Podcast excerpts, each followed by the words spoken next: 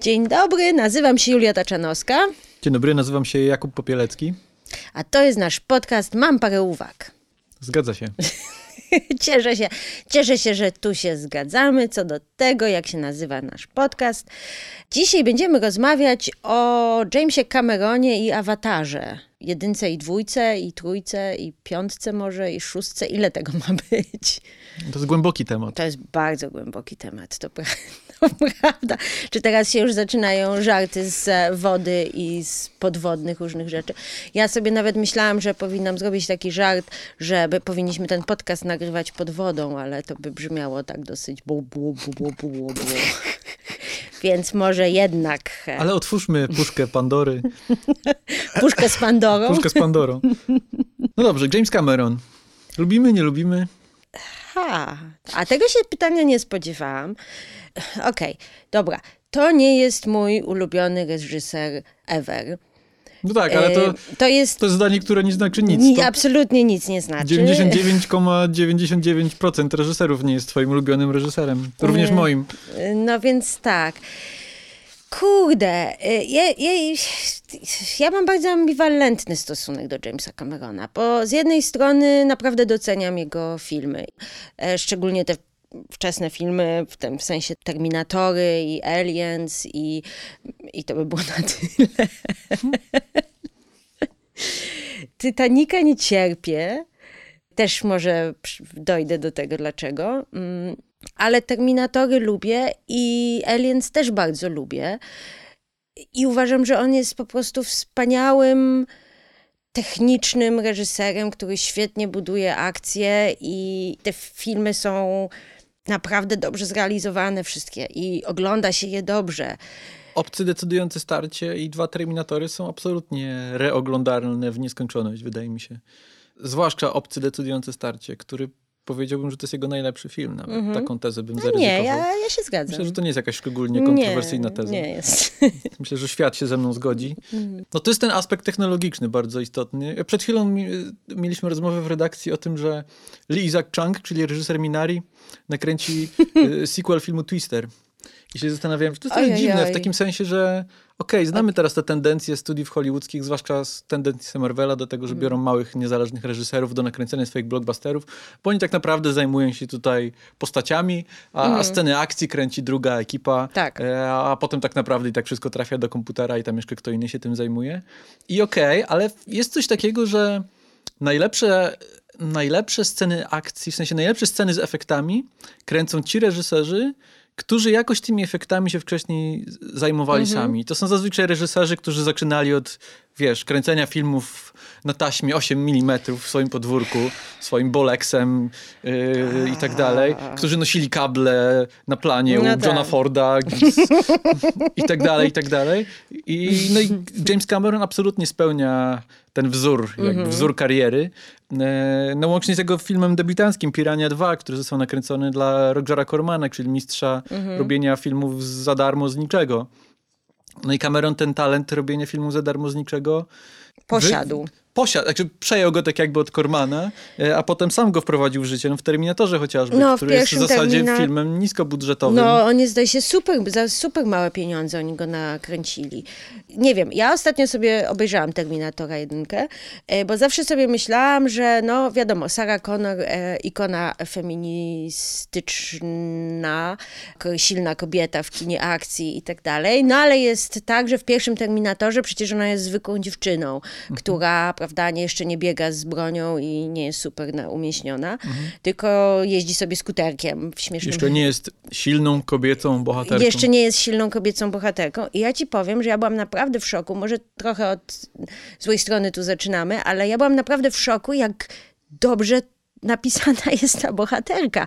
W tym sensie, że e, rzeczywiście ona e, siedzi na komisariacie, ściga ją e, straszna maszyna, a ona się chowa pod biurkiem jest przerażona. Ja sobie pomyślałam, hej, to jest reakcja normalnej dziewczyny. To znaczy, normalnego człowieka też, prawda? No, ktoś cię ściga, to się chowasz pod biurkiem i... Nie chwytasz i, za giwerę i, i mówisz, nie chwytasz za giwerę, y, czy coś takiego. Nie, i że to jest właśnie fajnie pokazana droga tej bohaterki od takiej zwykłej dziewczyny, która nie ma zielonego pojęcia na temat niczego, do nagle babki, która rzeczywiście, przecież ona na końcu pokonuje sama Terminatora, mhm. prawda?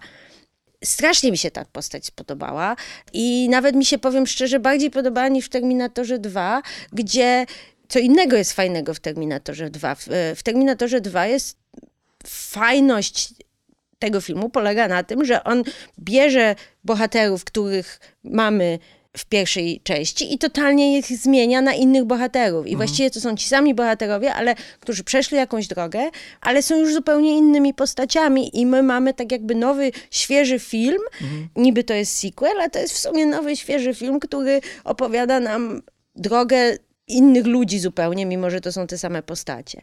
To mi się bardzo podoba. No ja trochę w tę stronę zmierzałem, bo no. chciałem tutaj pochwalić go, że to tak, technologia tak, tak. i że to ci reżyserzy te technologiczni tak. robią najlepsze efekty, ale James Cameron przez długi czas swojej kariery też dbał o historię. Tak. te filmy absolutnie się broniły na poziomie scenariuszowym. No, Terminator jest dość prosty, ale jest absolutnie funkcjonalny, wszystko tam działa, wszystko jest tak jak trzeba. Świetny Chociaż jest. moim zdaniem Terminator 2 to jest lepszy. często znaczy ja bym powiedział, że jest lepszy, ale często ten, ten odwieczny spór Terminator 1 czy Terminator 2 to tak naprawdę jest sporem o estetykę. Mhm. W sensie, jeśli ktoś woli mroczny świat przyszłości, grozę, science fiction, ciemne ujęcia i tak mhm. dalej, to woli pierwszego, bo on jest taki bardziej edgy.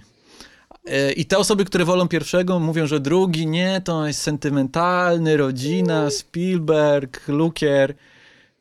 Okej, okay, jest to wszystko prawda. Natomiast przy tym wszystkim. Drugi jest dużo, dużo bardziej głębszym filmem. Na poziomie też portretów postaci i relacji między nimi i samej gry z konwencją. Mm-hmm. Plus, no wiadomo, że efekty e, to też e, robi znaczenie, mm-hmm. to też robi różnicę, ale to też jest nawet fajne, w jaki sposób Cameron pracuje z efektami w Terminatorze 2, gdzie to jest metafora kina metafora zmiany zachodzącej w kinie. To jest film o starciu starych efektów z nowymi efektami. No to też Gdzie te, T800, tak? Bodajże. Tak, tak. T800 to jest oczywiście analogowy e, practical, mhm. E, a T1000 to już jest e, CGI. Mhm. No i w tym filmie jeszcze się okazuje, że jeszcze CGI można pokonać. No ale też, no, ale też Cameron pokonuje, bo przecież większość efektów jednak to są efekty praktyczne w tym filmie, prawda? Latające, fruwające, wybuchające ciężarówki. Tam jest bardzo, bardzo niewiele tych efektów CGI. No to jest taka, to jest tajemnica tych filmów, o których się mówi, że to są filmy, w których efekty się nie starzeją. Park Jurajski jest drugim mm -hmm. takim filmem. I mówi się, o komputer, to z niby z 93, ale wciąż wygląda dobrze. A tajemnica polega na tym, że tam tego komputera prawie, że nie ma. Tak. Że tam komputer robi rzeczy kosmetyczne w mm -hmm. zasadzie. A większość to jest, są, to jest albo mechatronika tak zwana, -hmm. albo nawet y, animacja poklatkowa. Mhm. Komputer jest tylko w zasadzie takim cieniowaniem, dodawaniem jakichś niuansów. Co ciekawe, w Terminatorze 2 tylko jeden efekt się zestarzał i to jest tylna projekcja. Tam jest taka scena, jest pościg na autostradzie, mhm. gdzie cysterna goni jakiś inny samochód i e, Arnold Schwarzenegger e, jest e, na masce jakiegoś samochodu w każdym razie. Aha. I bardzo widać, że to nie jest Terminator na masce samochodu, tylko to jest Arnold Schwarzenegger na tle jakiegoś ekranu w jakimś Aha. studiu. Mhm. Paradoksalnie, to jest, to jest jedyny efekt, który trochę zgrzyta dziś. Mhm. Tam jeszcze może jest tylna projekcja w scenie jazdy samochodem. Mhm. Sarah Connor, John Connor i Terminator wsiadają razem do samochodu, tworzą piękną, nową, zastępczą rodzinę mhm. i jadą i widzisz w tle, że, że też nie jadą po żadnej drodze, tylko widzisz, że tam ktoś wyświetlił z tyłu ekranie. Ale wszystkie te efekty, które mają znaczenie, nie wyrzucać cię to z działają. historii po prostu. Tym bardziej, że też tak. ten efekt, ten, ta dziwność tego CGI, tych efektów komputerowych, która można powiedzieć, że może, może to jest trochę nierealistyczne, mm. ale to potęguje właśnie taką dziwność tak. bohatera, dziwność, mm. dziwność tego Roberta Patricka. Robert Patrick? Zresztą mylę go z jego bratem, bo jest jego, bat, jest jego brat, który jest wokalistą zespołu Filter. Tylko teraz wyleciało mi z głowy, jak ma na imię. I on ma brat. Robert Patrick na imię? No nie jeden z nich jest Robert, a drugi jest Patrick. inny Patrick. Patrick, Patrick. A to jest Robert Patrick. Teraz nie mogę sobie przypomnieć, jak nazywa się brat. Ale wciąż, y, Aliens jest lepszym filmem, wydaje mi się. Mm. Wiadomo, du, du, zawsze się mówi, a obcy pierwszy, obcy drugi. To jest, to jest też. Obcy tak. pierwszy to jest ten głęboki, ten rozbudowany mm. symbolicznie i tak dalej. Y, obcy drugi to jest kowboje i się strzelają. Prawda. I ja też w tym wypadku akurat wolę pierwszego obcego, Ridleya Scotta. Ale nie można powiedzieć o, o filmie Camerona, że on jest płytki, albo że on jest nieprzemyślany, Nie, albo że nie. tam tylko chodzi o strzelankę. Nie. Tam przez godzinę, przez godzinę nikt do nikogo nie strzela w tym filmie. Nikt do nikogo nie przez godzinę strzela. jest budowanie fundamentu scenariusza, przedstawianie nam postaci, Tak. wprowadzanie wątków. No i też te wszystkie metafory, które działają na tym filmie. Przede wszystkim ta metafora rodzinna, metafora m- matczyna. Tak. To jest co na- godzina? To jest co najmniej 40 minut, a może nawet godzina do pierwszego wejścia obcych. Tak, ale że... Chyba, że że... oglądamy, przepraszam, wersję reżyserską, w której jest jeszcze ta Aha. scena, gdzie Newt jedzie z rodzicami tam e, za miasto i, i tam po raz tego. pierwszy widać, e, Ja chyba widziałam. jest facehugger się pojawia, więc Aha. w wersji reżyserskiej widzimy facehuggera Nie. wcześniej, w wersji tej kinowej Widzimy pierwszy później. jakikolwiek obcy pojawia się dopiero, kiedy Marines wchodzą do, Mhm. do bazy i to jest, to jest w okolicach 40 minuty, może nawet godziny. No w każdym razie to jest niesamowite, bo po prostu potem ta, ta eksplozja przemocy, która, czy tam, czy właśnie tej akcji, która Mhm. następuje, jest po prostu niesamowita. I też jak to jest nakręcone, jak to jest, e, prawda, przez te okulary też Mhm. e, pokazane. Mimo, że ten film ile ma lat, po prostu to, to człowieka trzyma i to naprawdę jest to, co, za co ja podziwiam e, Jamesa Camerona. Chociaż to jest ciekawy przykład Na- filmu, w którym no. jakby ta technologia może trochę przegrywa. On się tro... Aliens się trochę zestarzało. Tam widzisz w niektórych momentach, że ten latek... Tak, ale widzisz, statek... to jest, Poczekaj, poczekaj, no- poczekaj, chcę sobie powiedzieć. Że ten latający statek to, to jest model, Mhm. że ta królowa obcych i tej takie śmieszne rączki, widzisz, że to jest po prostu wielka lalka, Mhm. ale jakby konflikt, który zbudował Cameron jest tak, Tak, silny, że, tym- że widzisz to, ale stwierdzasz, nie przeszkadza mi to, Tak. bo to jest tak fajne. No, no, no że dokładnie, wystarczy. dokładnie. To jest, co jest bardzo Odwrotność nowego awatara, można by Tak, powiedzieć. to jest coś, co jest ciekawe, że, że moim zdaniem to, co zostaje, to nie jest spektakl, tylko to jest historia. To znaczy to, co my pamiętamy i dlaczego lubimy wracać do jakichś filmów, to, czy dlaczegoś przeżywamy coś, przynajmniej ja tak mam, to jest właśnie to, że, że jest mocna, mocna historia, dobrze zbudowane postacie, dobre konflikty i oczywiście można argumentować, i ja to będę argumentować, że Cameron jest bardzo konserwatywnym reżyserem. I o ile właśnie w latach 80. po prostu wszyscy byli konserwatywni Aha. i, i wiesz, i to po prostu były zwykłe filmy i można było się cieszyć, że mamy właśnie silne kobiece bohaterki i one rzeczywiście są, i Ripley i Sarah Connor są rzeczywiście silnymi e, kobiecymi postaciami. Nie, nie mówię tu o tym, że mają mięśnie i potrafią strzelać, tylko chodzi o to, że mają jakąś swoją sprawczość, mają jakieś swoje, do czegoś dążą, mają jakieś swoje konflikty, coś chcą, coś nie chcą i to jest fajne i fajnie się za taką, z takimi postaciami podąża, bo one są po prostu prawdziwe. Konserwatywny aspekt tych postaci jest to, że obie są matkami, w sensie, że ten, to macierzyństwo ich jest je, ich główną motywacją, prawda? Że Sarah Connor oczywiście w, dwu, drugim Terminatorze, tutaj mówię teraz, ona rzeczywiście jakby do tego syna ma, ma, ma, znaczy ona chce go chronić jako przyszłego przywódcę, a niekoniecznie jako małego chłopca, który jest jej, jej dzieckiem. Potem się jakby przechodzi tą przemianę i jednak jakby z- zaczyna go kochać jako swoje dziecko, prawda? Tak samo główną motywacją e, Ripley też jest jakby to, to macierzyństwo. No i to można powiedzieć, okej, dobra, to jest ładna motywacja, jest prawdziwą motywacją. Czy to jest po stronie konserwatywnej? Trochę tak. Z dzisiejszego punktu widzenia, z tamtego punktu widzenia absolutnie nie. Ja dwie rzeczy powiem. No. Jeden to jest moja, e, moja wizja polityki seksualnej serii o Obcym i serii o Terminatorze, gdzie Terminator jest filmem o antyaborcyjnym.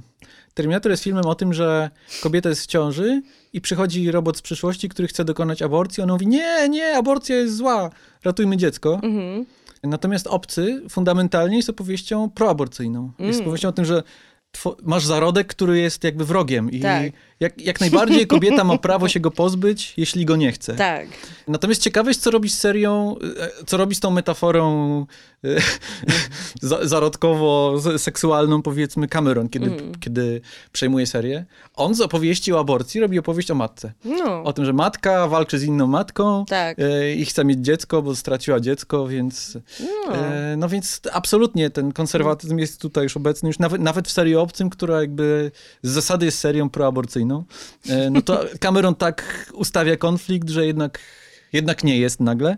Tak, i Ale a propos tej konserwy, jeszcze jest ciekawe to, że to nie ma aż takiego znaczenia, czy film jest konserwatywny, czy niekonserwatywny. Jeśli w tym wypadku Cameron, reżyser, scenarzysta, zachowuje jakby głębię tych postaci. Że Mhm. No to są tak. postacie z, z konfliktami, z dramatami, z drogą, którą muszą przejść, y, z wadami, które muszą przepracować. No Sarah Connor też ma ten swój taki Oczywiście. mroczny moment w Terminatorze No 2, tak, gdzie postanawia uprzedzić sama- przyszłość, zabijając y, faceta, Tak. który stworzy potem Skynet. No sama się robi z Terminatorem po prostu i nawet jest takie, że ona Mhm. Tak, tam tak. jedzie i to ona wygląda jak ten Jasne. T-1000, prawda? Mhm. To jest fajne i ja nie mówię, że Sarah Connor czy Ripley są fu, niefajnymi postaciami czy coś. Nie, wręcz przeciwnie. ja Mhm. Jasne, będę je jasne. bronić, bo ponieważ takie postacie też są potrzebne jakby w kanonie postaci ko- kobiecych różnych. No. Mnie złoszczą silne, silne robię w cudzysłowie teraz, y, silne kobiece bohaterki, Mhm. złoszczą mnie współcześnie, że to jest po prostu kopiuj wklej albo postać męska, tylko że kobieta gra tę- tą postać, albo po prostu to jest jakaś Mhm. karykatura ko- kobiety, która teraz jest idealna, silna, bez emocji. No po prostu nieciekawa. Tak Emily Blunt Tak. ostatnio narzekała, że ona Tak. ma dosyć grania silnych kobiecych bohaterek, bo tu nie ma co grać, bo musisz być po prostu stoicka i cool. Tak, i bez mieć emocji. mięśnie i tak. strzelać karabinu. No. Koniec postaci. Tak, no więc, więc dlatego, jeżeli chcemy zobaczyć silne kobiece bohaterki w dobrym wydaniu, no to Mhm. właśnie u Carmerona w Terminatorze czy w e, Obcym. A prawdziwe kłamstwa? Pamiętasz dobrze ten film? Mi się kiedyś wydawało, że to jest najlepszy film Arnolda Schwarzeneggera. Tak, Mi się po, nigdy nie w połowie podobał. lat 90. y, byłem gotów powiedzieć coś takiego. Nie wiem, on się mi wydawał jakiś taki strasznie toporny. Ja go nie, nie oglądałam bardzo dawno i nie chcę do niego wracać, bo też sobie myślę, że to może być jakieś... Prawda? Bo to jest taka komed- komediowe ma zacięcie, prawda? Ja próbowałem to obejrzeć jakoś niedawno. Tak. Niedawno, czyli trzy lata temu. Mhm. I to się potwornie zestarzało, bo to jest film, który jedzie na jednym żarcie, mianowicie takim. To jest Arnold Schwarzenegger, tylko że jest Jamesem Bondem. Aha. Plus okej, żona nie wie, plus ma żonę i żona nie wie, że on jest Jamesem Bondem. Ale cała pierwsza sekwencja to jest sekwencja, która gra totalnie z tropami bondowskimi Mhm. i cały żart polega na tym, że to nie jest e, gładki Pierce Brosnan, e, tylko to jest e, toporny Arnold Schwarzenegger. Ale to jest, no, żart się kończy po trzech minutach, Mhm. a potem jeszcze jedziemy. Tam jest oczywiście parę fajnych rzeczy. Jest Bill Paxton w takiej komediowej, śmiesznej roli i tak dalej. Scena z koniem, po, pościg Nie pamiętam. Arnold goni na koniu uciekającego przestępcę i wszystkich przeprasza.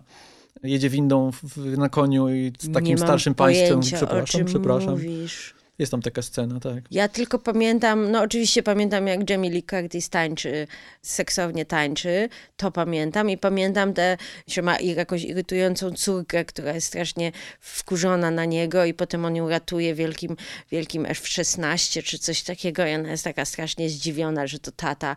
I, z- I f- ja pamiętam, pamiętam jak oglądałam ten film i sobie myślałam, jak jakby, popatrzcie się, to jest jakby oczywiście Arnold Schwarzenegger, my wiemy ki- kim on jest, ale jeżeli ktoś tak wygląda, to znaczy, nie W wiem, sensie, że że ta, córka nie podejrzewała go tak, że, że, o że bycie agentem. no nie, no, że, że w ogóle jakby, no jeżeli masz tyle mięśni, że mogę, mogę to kupić, że to, wiesz, jest, bo jest ten film e, Pan i Pani Smith, prawda? Mhm. Taki, I tam można powiedzieć, dobra, argumentować, dobra, można nie wiedzieć, że Brad Pitt jest Mhm. Szpiegiem albo coś tam, ale, ale Arnold Schwarzenegger, no ten premis jest Nie, coś ja, nie, ja, ja myślę, że to jest część, że, że to jest częścią pomysłu na ten film, ten jakby, że, że to jest część tego komizmu, że to jest Arnold, a jednak nikt w to nie wierzy. Ale Nie nawet jeśli faktycznie przy, przykładając do tego filmu kryteria powiedzmy realizmu, wiarygodności, prawdopodobieństwa, to się rozpada, to wydaje mi się wciąż, że to, to nie jest problem tego filmu. Mhm. Że, że problemy są Gdzie indziej. problemy są gdzie indziej. A Titanic? Nie. Oj nie. Tam są problemy. Oj nie. No, Jak, ja ci powiem, jak obejrzałem No. Ti- Titanica po raz pierwszy, w którym to było roku? 97, No, tak? takiego, to miałem tak. lat 12, pamiętam, byłem z mamą w kinie Nysa mhm. i powiem ci, że Titanic trwa ile? Trzy godziny powiedzmy. Mhm. Że półtorej godziny, które było romansem Jacka z Rose, całkiem mi się dobrze oglądało. Mhm. I pamiętam, że potwornie mnie zmęczył finał, czyli całe to bieganie po statku, Mhm. który tonie, ktoś jest przykuty, Jack jest przykuty, Rose biegnie po siekierę, coś. Pamiętam, że, No tak. że miałem takie poczucie takiej mechanik, mechanicznego tworzenia niepotrzebnych problemów. A dziś sobie myślę, że ta pierwsza połowa też nie jest dobra. Ale to nie jest film, do którego wracałem, więc y, nie wspominam go dobrze, ale nie mam też szczególnie przemyślanej opinii na ten temat. Mm. Titanica chyba, no widziałam go w kinie, pamiętam. I to jeszcze było tak, że ja byłam w Londynie i ten film już leciał tam od pół roku, a w Polsce on jeszcze nie miał premiery, bo to były takie, takie czasy, że w Polsce filmy były dużo, mhm. Mm, dużo później wchodziły, mhm. więc więc widziałam ten film i byłam pierwszą osobą, która widziała ten film jakby ze moich wszystkich znajomych i tak dalej. I byłam strasznie zawiedziona, bo ja strasznie lubię filmy kostiumowe i tak dalej. I tu jeszcze było powiedziane, że to wszystko jest tak dopracowane i ten, ten cały statek jest taki, jaki mhm. był i że y, stroje i wszystko jest dopracowane, po prostu jakoś perfekcyjnie zrobione. Mhm. A, a mnie to tak nudziło, mnie ta historia mi tak nie podeszła, to znaczy tak nie kupiłam tego romansu. Mhm. I to mhm. nie w taki sposób, że mhm. bogata dziewczyna może pokochać biednego e, łapserdaka, tylko dla mnie to było jakoś tak, że... no, o twarzy Leonardo DiCaprio. No ja wiem, no ja wiem, ale że, że jakoś tak nie kupiłam, że to są tylko trzy dni, mhm. że, że, że oni się dopiero poznali, że i tu nagle wielka miłość i tak dalej. I, i widać dokładnie, że Cameron jest zainteresowany po prostu statkiem, a nie mhm, postaciami. I te postacie wszystkie są kliszowe. I ta Rose jest kliszowa. I ten y, Leo jest po prostu, ma być ładnym, ładnym chłopcem, dzielnym i odważnym. I Billy Zane zły, bo zły. I tak, i Billy Zane po prostu ma być strasznie potwornym i tak dalej. I myślisz sobie, czemu ona w ogóle za niego wychodzi? Prawda? No wiadomo, że tam dla pieniędzy i tak mhm. dalej. To jest jasno powiedziane, bo ta matka. E, ale też sobie myślisz, ale co to jest jedyny bogacz w mieście, prawda? No jakby wiesz, on na nią krzyczy i rozwala stolik i ona jednak e, nie wiem, byłam tak, zmęczo tak znaczy, zmęczona znaczy, tym filmem. Wydaje, że masz rację, bo to jest chyba pierwszy film, chociaż jeszcze mm. o mhm. The Abyss to jest Otchłań, Głębia, tak, Głębia, nie tak widziałam to się nazywa. Tego. Może tam też już się zaczyna ten problem, ale Titanic to jest pierwsze takie poważne, poważne objawienie się tego problemu, mianowicie takiego, że Cameronowi się zaczynają mylić priorytety. Mm -hmm.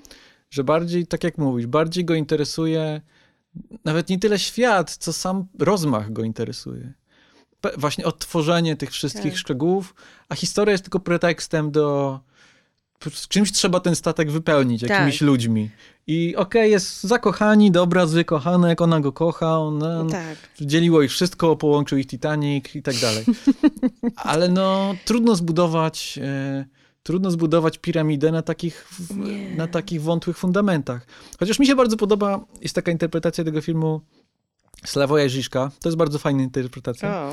Interpretacja, która mówi o tym, że to jest film o tym, że ludzie z wyższych sfer muszą mieć taki moment szaleństwa w swoim życiu, taki moment karnawału.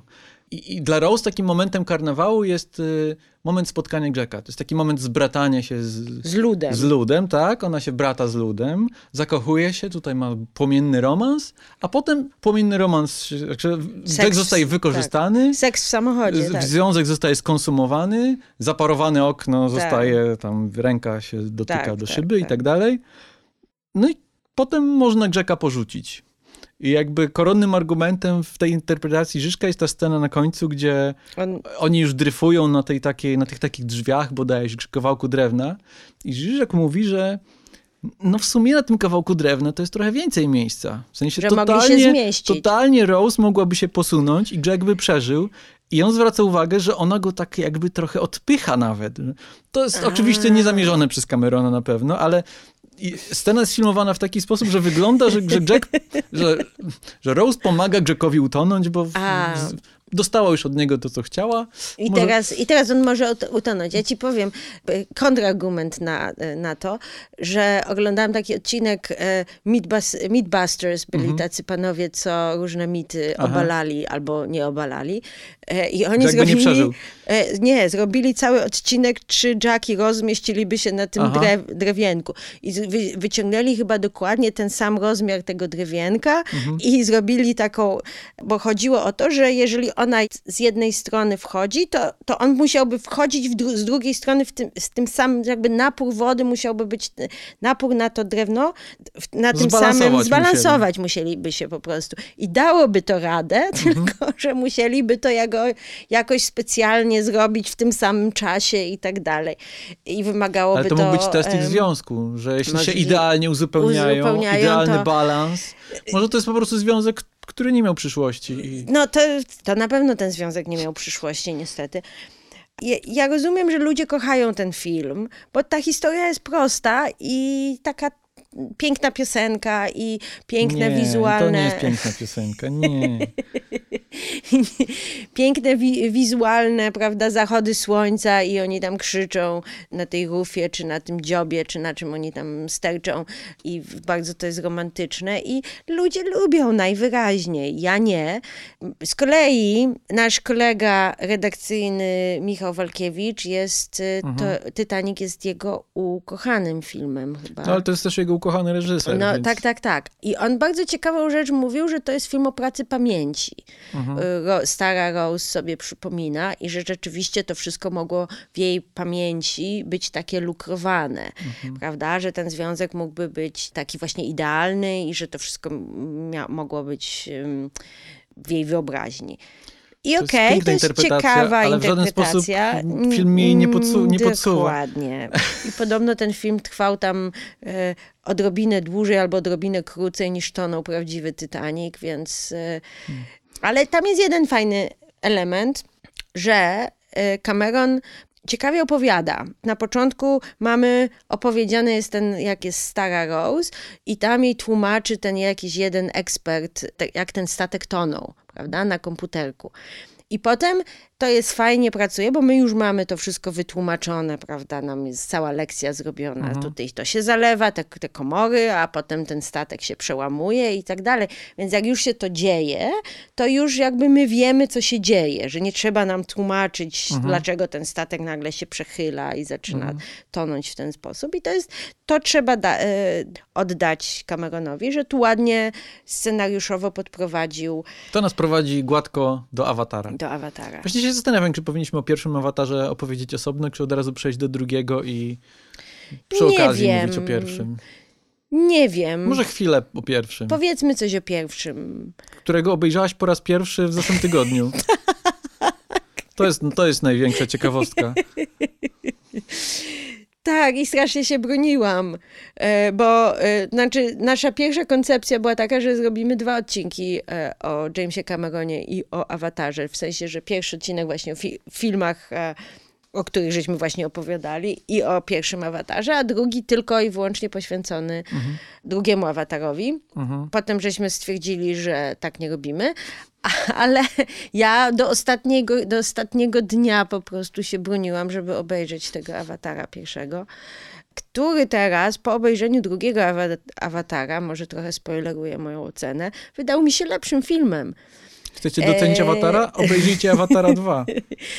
Y, tak, ale strasznie mnie zmęczył ten film, aczkolwiek e, doceniam bardzo wizualną stronę i mimo, że oglądałam ten film, e, może nie powinnam się przyznawać, ale się przyznam, bo co tam, trzeba mówić prawdę.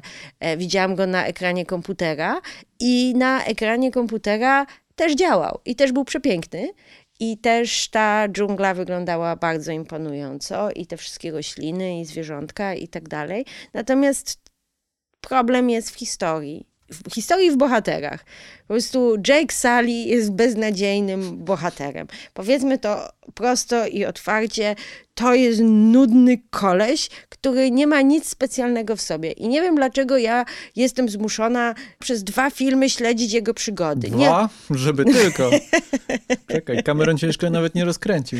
Ja nie chcę tej postaci oglądać naprawdę on jest głupi i jest jakimś, no jest matołkiem, no, jest ciołkiem. I nie rozumiem, co ta Natiri w nim widzi. To prawda. To zwłaszcza, to zwłaszcza. To nie jest zbudowane. Znaczy niefajne jest też to, że tutaj mamy trop wybrańca i on jest wybrańcem i tam Z jakiego powodu? Drzewo, drzewo go wskazuje. Drzewo go lubi, Ech. tak? Ale, Ale dlaczego go to drzewo go lubi? Dlaczego? Bo drzewo przeczytało scenariusz. Ach, to jest główny bohater. No trochę tak jest. Ale żeby, żeby nie było, poczekaj, teraz ja. No dobra. Ja powiem tak, ja z grubsza lubię ten film. Mhm. Widziałem pierwszą część w 3D dwukrotnie w kinie. I to jest jeden z trzech filmów w historii kina, w których to 3D ma sens. To jest, się zgadzam, absolutnie. Avatar, Grawitacja, Hugo, Scorsese'ego i jeszcze, jeszcze coś. Powiedziałem trzy, ale wydaje mi się, że są cztery. Nie pamiętam, jaki jest czwarty film. Avatar, Hugo, Grawitacja, coś jeszcze było. Mhm, coś Nieważne. zaraz wymyślimy. Więc to, to raz. Mhm. Dwa, no ta historia jest prosta jak drut. Jest prosta, a aczkolwiek jest jakby funkcjonalna. Ja, ja, za bardzo nie ma się do czego przyczepić, bo ten film robi to, co ma zrobić. Ja bym nawet argumentował, że to jest zamierzone, że ta historia jest tak cienka. I to jest zamierzone, pytanie, Ale że dobrze, chodzi, o to, chodzi o to, że my jesteśmy awatarem, Tak, który dokładnie o to chodzi. Moim zdaniem dokładnie o to chodzi Cameronowi. Dlatego bohater jest, świat. bohater jest nudnym, nudnym pustakiem, żeby było w nim trochę miejsca na nas. Także w takim sensie to jest dobrze ustawiony konflikt, że on jest kimś, kto absolutnie nie zna świata i przez niego poznajemy ten świat, Tak. więc w tym sensie Tak. to działa bardzo dobrze. I to się, to się ogląda. Jeśli chodzi o aspekt tego, czy film się zestarzał, czy się nie zestarzał, to ja też, tak jak mówiłem, widziałem go dwa razy w kinie wtedy, kiedy miał Mhm. premierę. Od tego czasu go nie oglądałem. I powtórzyłem teraz przed nagraniem również na ekranie laptopa. E, I działa, z grubsza działa. Trochę może widać szwy między komputerem a, a, a prawdą w tych scenach początkowych, kiedy kadrze spotykają się ludzie i, i awatary, zwłaszcza kiedy Mhm. Jake budzi się w szpitalu, Sigourney Weaver gra w siatkówkę. O Jezu, to jest tak straszna scena. To jest w ogóle ciekawe, to jest scena, którą wiele osób wspomina jako moment, w którym przestali wierzyć w ten film.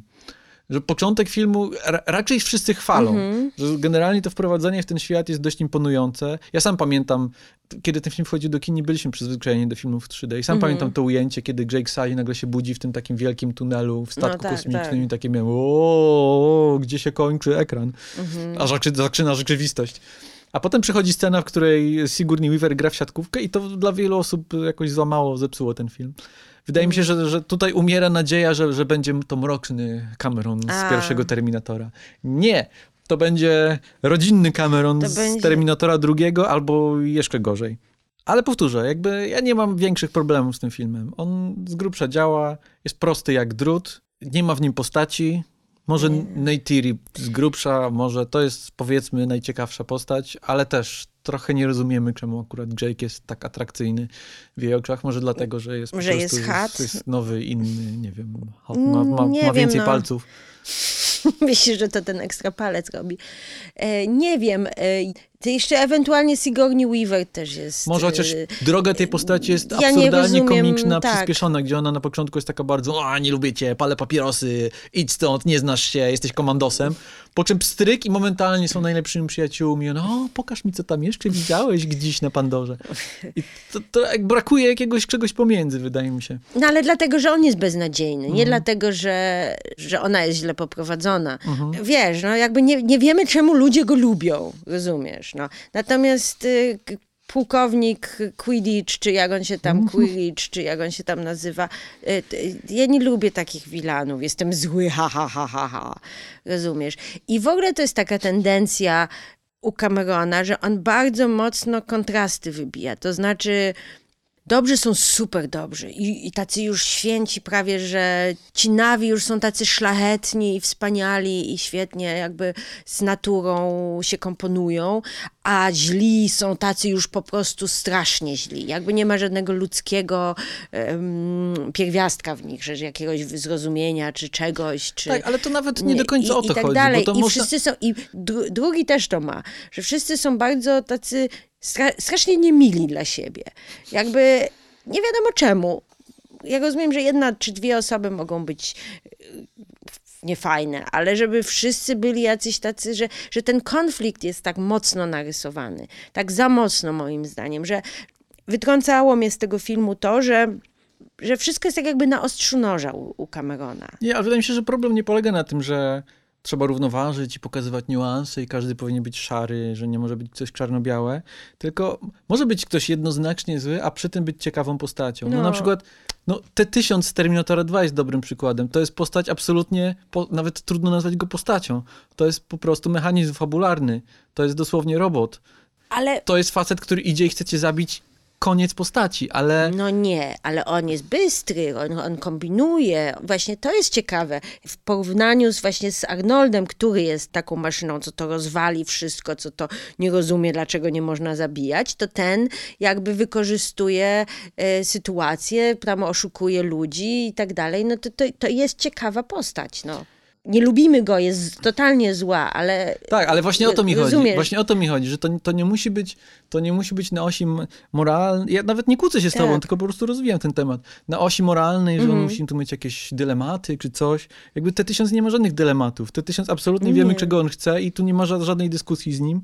Ale jakby to, co robi Robert Patrick ze swoim. Robert Patrick? To, co ten aktor robi ze swoim ciałem, chociażby w jakiś sposób. On jest też fajnie skontrastowany z, z Arnoldem. Nie sprawdzaj, nieważne, te tysiąc. Albo na przykład postać Polarizera z Aliensów, czyli tego takiego korpo, korpo śliskiego pana. Mhm. Porównaj sobie tę postać z postacią Giovanniego Ribisiego z Awatara. Mhm. To nominalnie jest ta sama postać, takiego korpo pachoła, który mhm. tutaj dostał po prostu w Excelu, że okej, okay, mam, by, mam być zły i mam robić wyniki, przychody i tak dalej. No ale Polarizer mimo wszystko jest ciekawą postacią, która gra w jakąś podwójną grę, coś tam kombinuje, próbuje się przypodobać replay, no. coś tam robi za jej plecami. Jakby no tak, są tak. jakieś poziomy. Natomiast Giovanni Ribisi jest zły i na początku nie, nie. filmu jest zły na końcu filmu i to jest koniec. No, Quidditch, przepraszam, Quaritch, no to jest ten sam problem razy osiem. No to, to tak. jest tak nudny, tak. czarny charakter. Tam jest, w pierwszym filmie jest jedna scena z nim, którą lubię. Mhm. To jest ta scena, w której nagle się okazuje, że Nasi bohaterowie zostali schwytani i nagle uciekają helikopterem mm. i Quaritch widzi, że uciekają i wybiega do tego takiego hangaru, gdzie oczywiście nie może oddychać, ale on wybiega bez maski gazowej, no, bo jest po prostu super. tak złe, że wybiegnie bez nie, maski gazowej i wstrzyma ten oddech tak. na tyle, na ile trzeba, że będzie strzelał i strzela, a potem zmienia broń, wciąż strzela. Ktoś mu przynosi tę maskę i on wtedy dopiero oddycha. Mm. Co jest fajne, raz, jako charakterystyka postaci, jako kogoś, kto po prostu zrobi wszystko, co trzeba, żeby tak. osiągnąć swój cel. Z drugiej strony też ma, ma drugorzędną funkcję scenariuszową, bo to przygotuje, przygotowuje nas na parę późniejszych scen, mhm. gdzie ważny jest ten wątek tej właśnie maski, tego, że nie można tak. oddychać tak. i tak dalej. Więc to jest, y, to jest całkiem fajne, ale jeśli to jest najciekawsza scena z twoją postacią, to, że przez chwilę y, y, nie oddycha. Nie, on jeszcze pije wiem. tą kawę i to jest takie ha, ha, ha, lubię jak... Zapach napalmu o poranku. Tak, dokładnie. To jest takie, myślę, nie, to jest jakaś karykatura takiego właśnie tak. twardego pułkownika, twardego jakiegoś takiego wojskowego dowódcy, który tam, wiesz, no, nie będzie ci tutaj żadnego bullshitu. To jest śmieszne, że w nowym filmie mamy taką samą postać. Nie mówisz o Quaritchu, tylko mhm. mówię o postaci, która też pełni te same funkcje co Quaritch. I grają Edie Falco, no tak. Carmela Soprano. Też pije kawę, no. też jest twarda, Poznajemy ją, kiedy w takim egzoszkielecie mm -hmm. robi jakieś karate tak, a z jakimś workiem pije, treningowym. Potem pije kawę z, z, w egzoszkielecie i myślisz sobie, co? To znaczy, bardzo jest... Znaczy może to jest jakiś twist, że postać, którą normalnie grałby Steven Lang, mm -hmm. tutaj gra Edie Falco, ale to jest koniec, koniec tego twistu. Mm.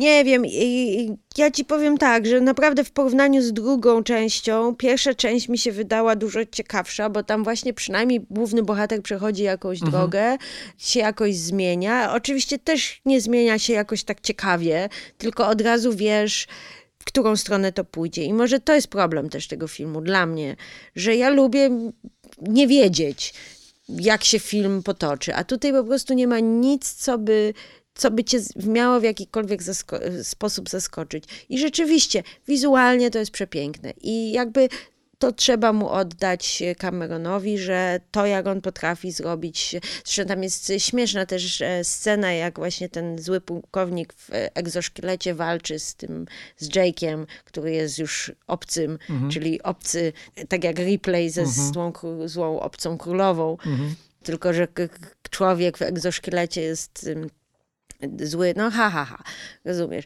I, ale też jakby doceniam to, że przesłanie ekologiczne jest w tym filmie, prawda, źli ludzie e, niszczą planetę, ale nie chcę takich historii.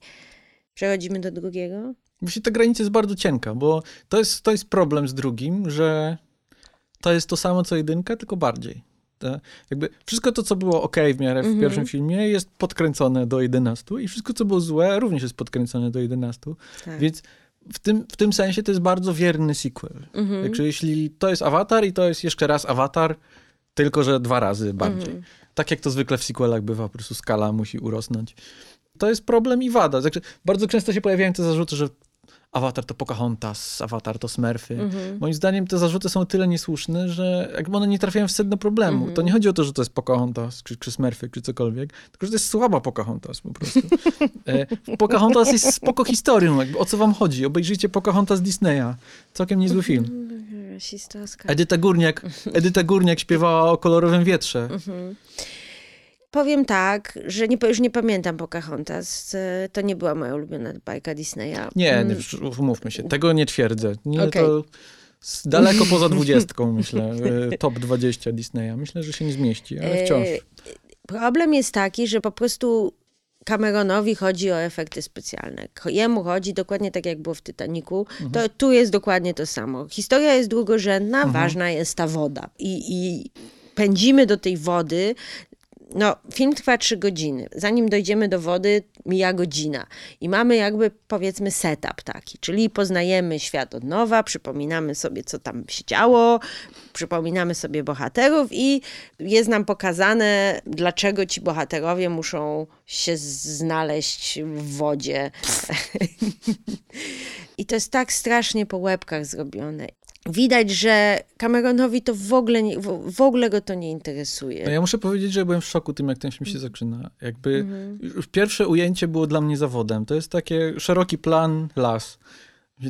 I sobie myślę, w ten sposób zaczynasz swój film, naprawdę, Jamesie Mhm. Cameronie, wybitny reżyserze, ponura muzyka, las. I potem klasyczna sequeloza, czyli 15-minutowa montażówka tego, co się wydarzyło przez ostatnie 15 lat. Tutaj rosną dzieci, tutaj coś tam, Jake Sully mówi coś z offu, ten voiceover Ten tutaj... voiceover jest straszny, ale w pierwszym też był straszny. Także ja ci powiem tyle. W, a propos pierwszego filmu No. jeszcze. W pierwszym filmie ten voiceover faktycznie jest dość łopatologiczny, natomiast on jest absolutnie funkcjonalny w takim sensie, że on dobrze wprowadza cię w ten świat, podaje ci wszystkie konieczne informacje. Jest dość dobrze, nawet powiedzmy, osadzony wiarygodnie w, w, w świecie przedstawionym, że Jake nagrywa te swoje vlogi, bo tam musi się No oswoić dobra, ale i tak nie, nie, dalej. ja nie mówię o Plus- vlogach. Ja wiem, ale poczekaj, bo, Tak. to, bo to łączy się jedno z drugim. To nie jest taki voiceover po prostu znikąd, nie? Co więcej, potem to Trochę jeszcze... jest znikąd. Poczekaj, poczekaj. Jest znik... Rozumiesz, że to Zaczyna jest... się- rozumiesz, po co zaczyna to jest. znikąd, rozumiesz, to jest tak. łopata, tak. Ale nie jest znikąd w takim sensie, że on jest osadzony w świecie przedstawionym. Co więcej, ten motyw vlogów potem zostaje wykorzystany przeciwko Jake'owi Saliemu jako dowód na to, że on tam zdradził i tak, Mhm. Tak, dalej. tak. Więc cokolwiek się dzieje z tym voiceoverem, w przeciwieństwie do drugiego filmu, gdzie to jest po prostu, to jest klasyczny voiceover, Mm. z, przepraszam, że to powiem z dupy, e, z dupy awatara. E, i, I to jest już niefajne, nie? I, i, I to jest taki rodzaj niechlujności, której nie spodziewałbym się po Jamesie Awatarze, chciałem powiedzieć, po, po Jamesie Cameronie. Ja- Okej, sprawozdam moje uczucie, bo, bo, bo to, było, to było bardzo specyficzne, co poczułem w czasie pierwszych 15 minut Awatara Istoty Wody. Jakby poczułem się uwięziony. Poczułem się uwięziony w okularach 3D w, w sali kina IMAX na Pandorze. I sobie pomyślałem, nie, jeszcze trzy godziny, nie chcę tego oglądać. Yy, żeby było jasne, potem to uczucie jakoś tak powoli zniknęło, trochę się wciągnąłem. Na etapie trzeciej godziny nawet się dość dobrze bawiłem. O trzeciej godzinie jeszcze potem może powiemy. Natomiast to, od czego zaczęłaś, czyli to od tych, ten pomieszanie priorytetów, to jest absolutnie prawda i no i czujemy, że to wszystko, tak jak w tym poprzednim filmie, Mhm. tylko bardziej, tak jak w Titanicu, tylko bardziej. To jest po prostu pretekst do tego, żeby James Cameron mógł sobie posklejać piksele i, i, i pokazać tę wodę. No bo to jest klasyczny ten film, klasy, ma, ma, mamy the best of James Cameron, Mhm. prawda? Bo mamy tak, mamy rodzinę, mamy wodę, Mamy Marines, mamy Space Marines, prawda? mamy przewracający się statek. Przewracający Na którym się statek. ludzie walczą, żeby nie utonąć. Tak, tak. No, ekologiczne przesłanie Mhm. oczywiście. Też miałam takie wrażenie, że oglądam coś, co już widziałam i coś, czego nie chcę oglądać jeszcze raz. Po prostu ja czekałam na tą wodę, bo pomyślałam sobie, jeżeli coś ma mnie zachwycić w tym filmie, no to właśnie te podwodne ujęcia. I rzeczywiście mnie zachwyciły, bo to trzeba mu przyznać Jamesowi Cameronowi, e, że oczarować to on potrafi. I ja siedziałam w kinie, pamiętam, i znaczy pamiętam, no. Siedziałam. Było to kilka dni temu. Kilka dni temu. Siedziałam i rzeczywiście sobie pomyślałam, fajnie, że to oglądam w 3D, fajnie, że nie oglądam tego na ekranie komputera, e, tylko w IMAXie. Jak, jakkolwiek nie będziemy dalej narzekać, to wydaje mi się, że warto ten film zobaczyć tak. w naj, największym ekranie, jak to możliwe. Tak. Bo, bo jest to faktycznie coś. Ale o tym też zaraz, bo mhm. jeszcze do tej wody, bo ja się, to, już tu gdzieś mówiłem, chyba mówi się, że, że ja się bałem przed premierą tego filmu, że to będzie starcie Tytanów mhm. i to nie mówię o starciu Jamesa Camerona z Marvelem, czy mhm. Jamesa Camerona z Netflixem, czy Jamesa Camerona z czymś tam jeszcze, tylko Jamesa Camerona z Jamesem Cameronem, no bo Avatar 2, Avatar Istota Wody zapowiadał się jako połączenie dwóch takich silnych tendencji filmografii tak. Jamesa Camerona. Jedna tendencja jest taka, że James Cameron jest mistrzem sequela, mhm. Aliens Terminator 2, wiadomo, są jedne z najlepszych sequeli w historii, które sprytnie wygrywają sam fakt, że są sequelami, jakby wywracają no tak. wszystko, co wiemy do góry nogami i robią z tego jeszcze ciekawszą być może historię. A przynajmniej równie ciekawą. Mhm. No i druga rzecz, mistrz, mistrz sequela, ale też mistrz wody. Mhm.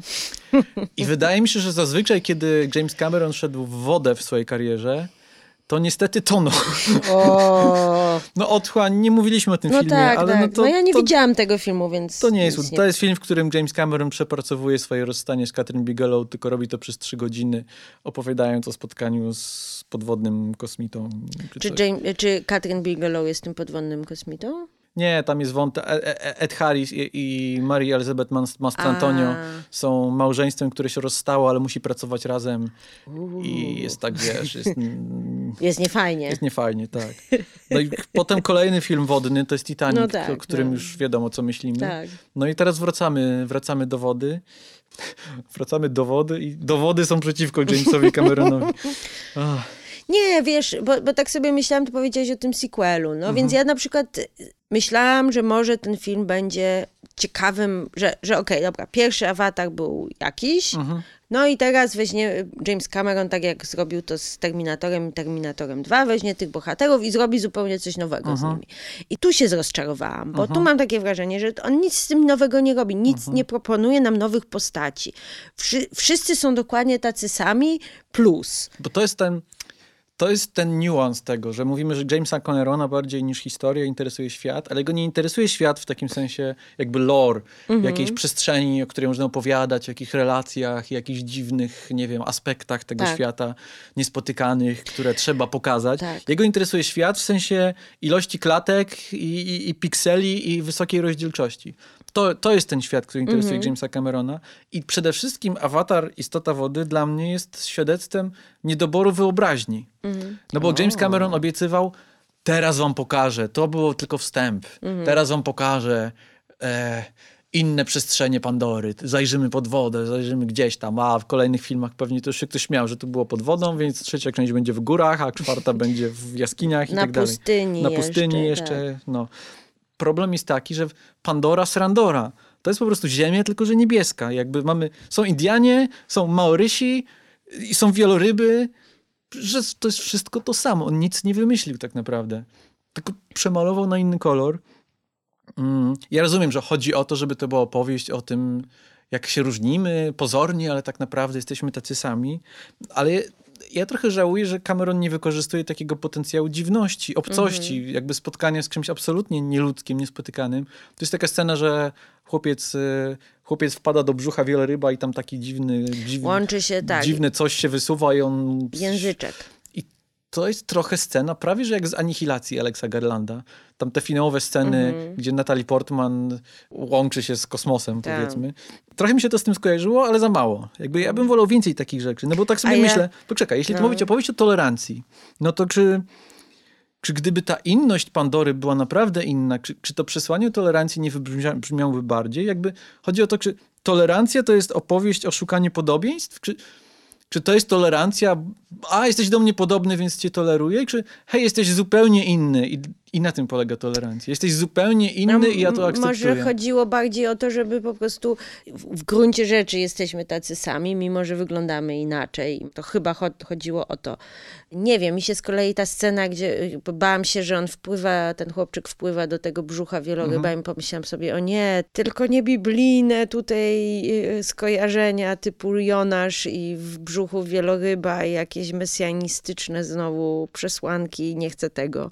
Na szczęście to poszło w inną stronę. Więc... To było bardziej uwolnić orkę. Tak, tak, chyba tak. Przecież to też ma takie konteksty narratologiczne, bo to się mówi mm. często brzuch wieloryba, to, to się używa w takim żargonie jakimś literaturoznawczym czy mm. na, narratologicznym, że to jest taki etap opowieści. To oczywiście jest wszystko wzięte mm. z Biblii.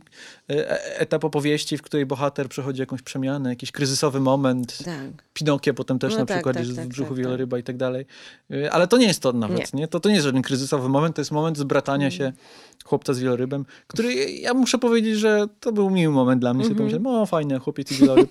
Ale to jest coś takiego, że to są sceny, które już znasz, więc wiesz jak masz zareagować i James Cameron na tym się opiera. On jakby nie wykonuje żadnej pracy, żeby to jeszcze podbudować. Bo to jest też to, o czym wcześniej mówiłeś, że to jest prosta historia i po co ma się oglądać, że, że wolałabyś inną historię.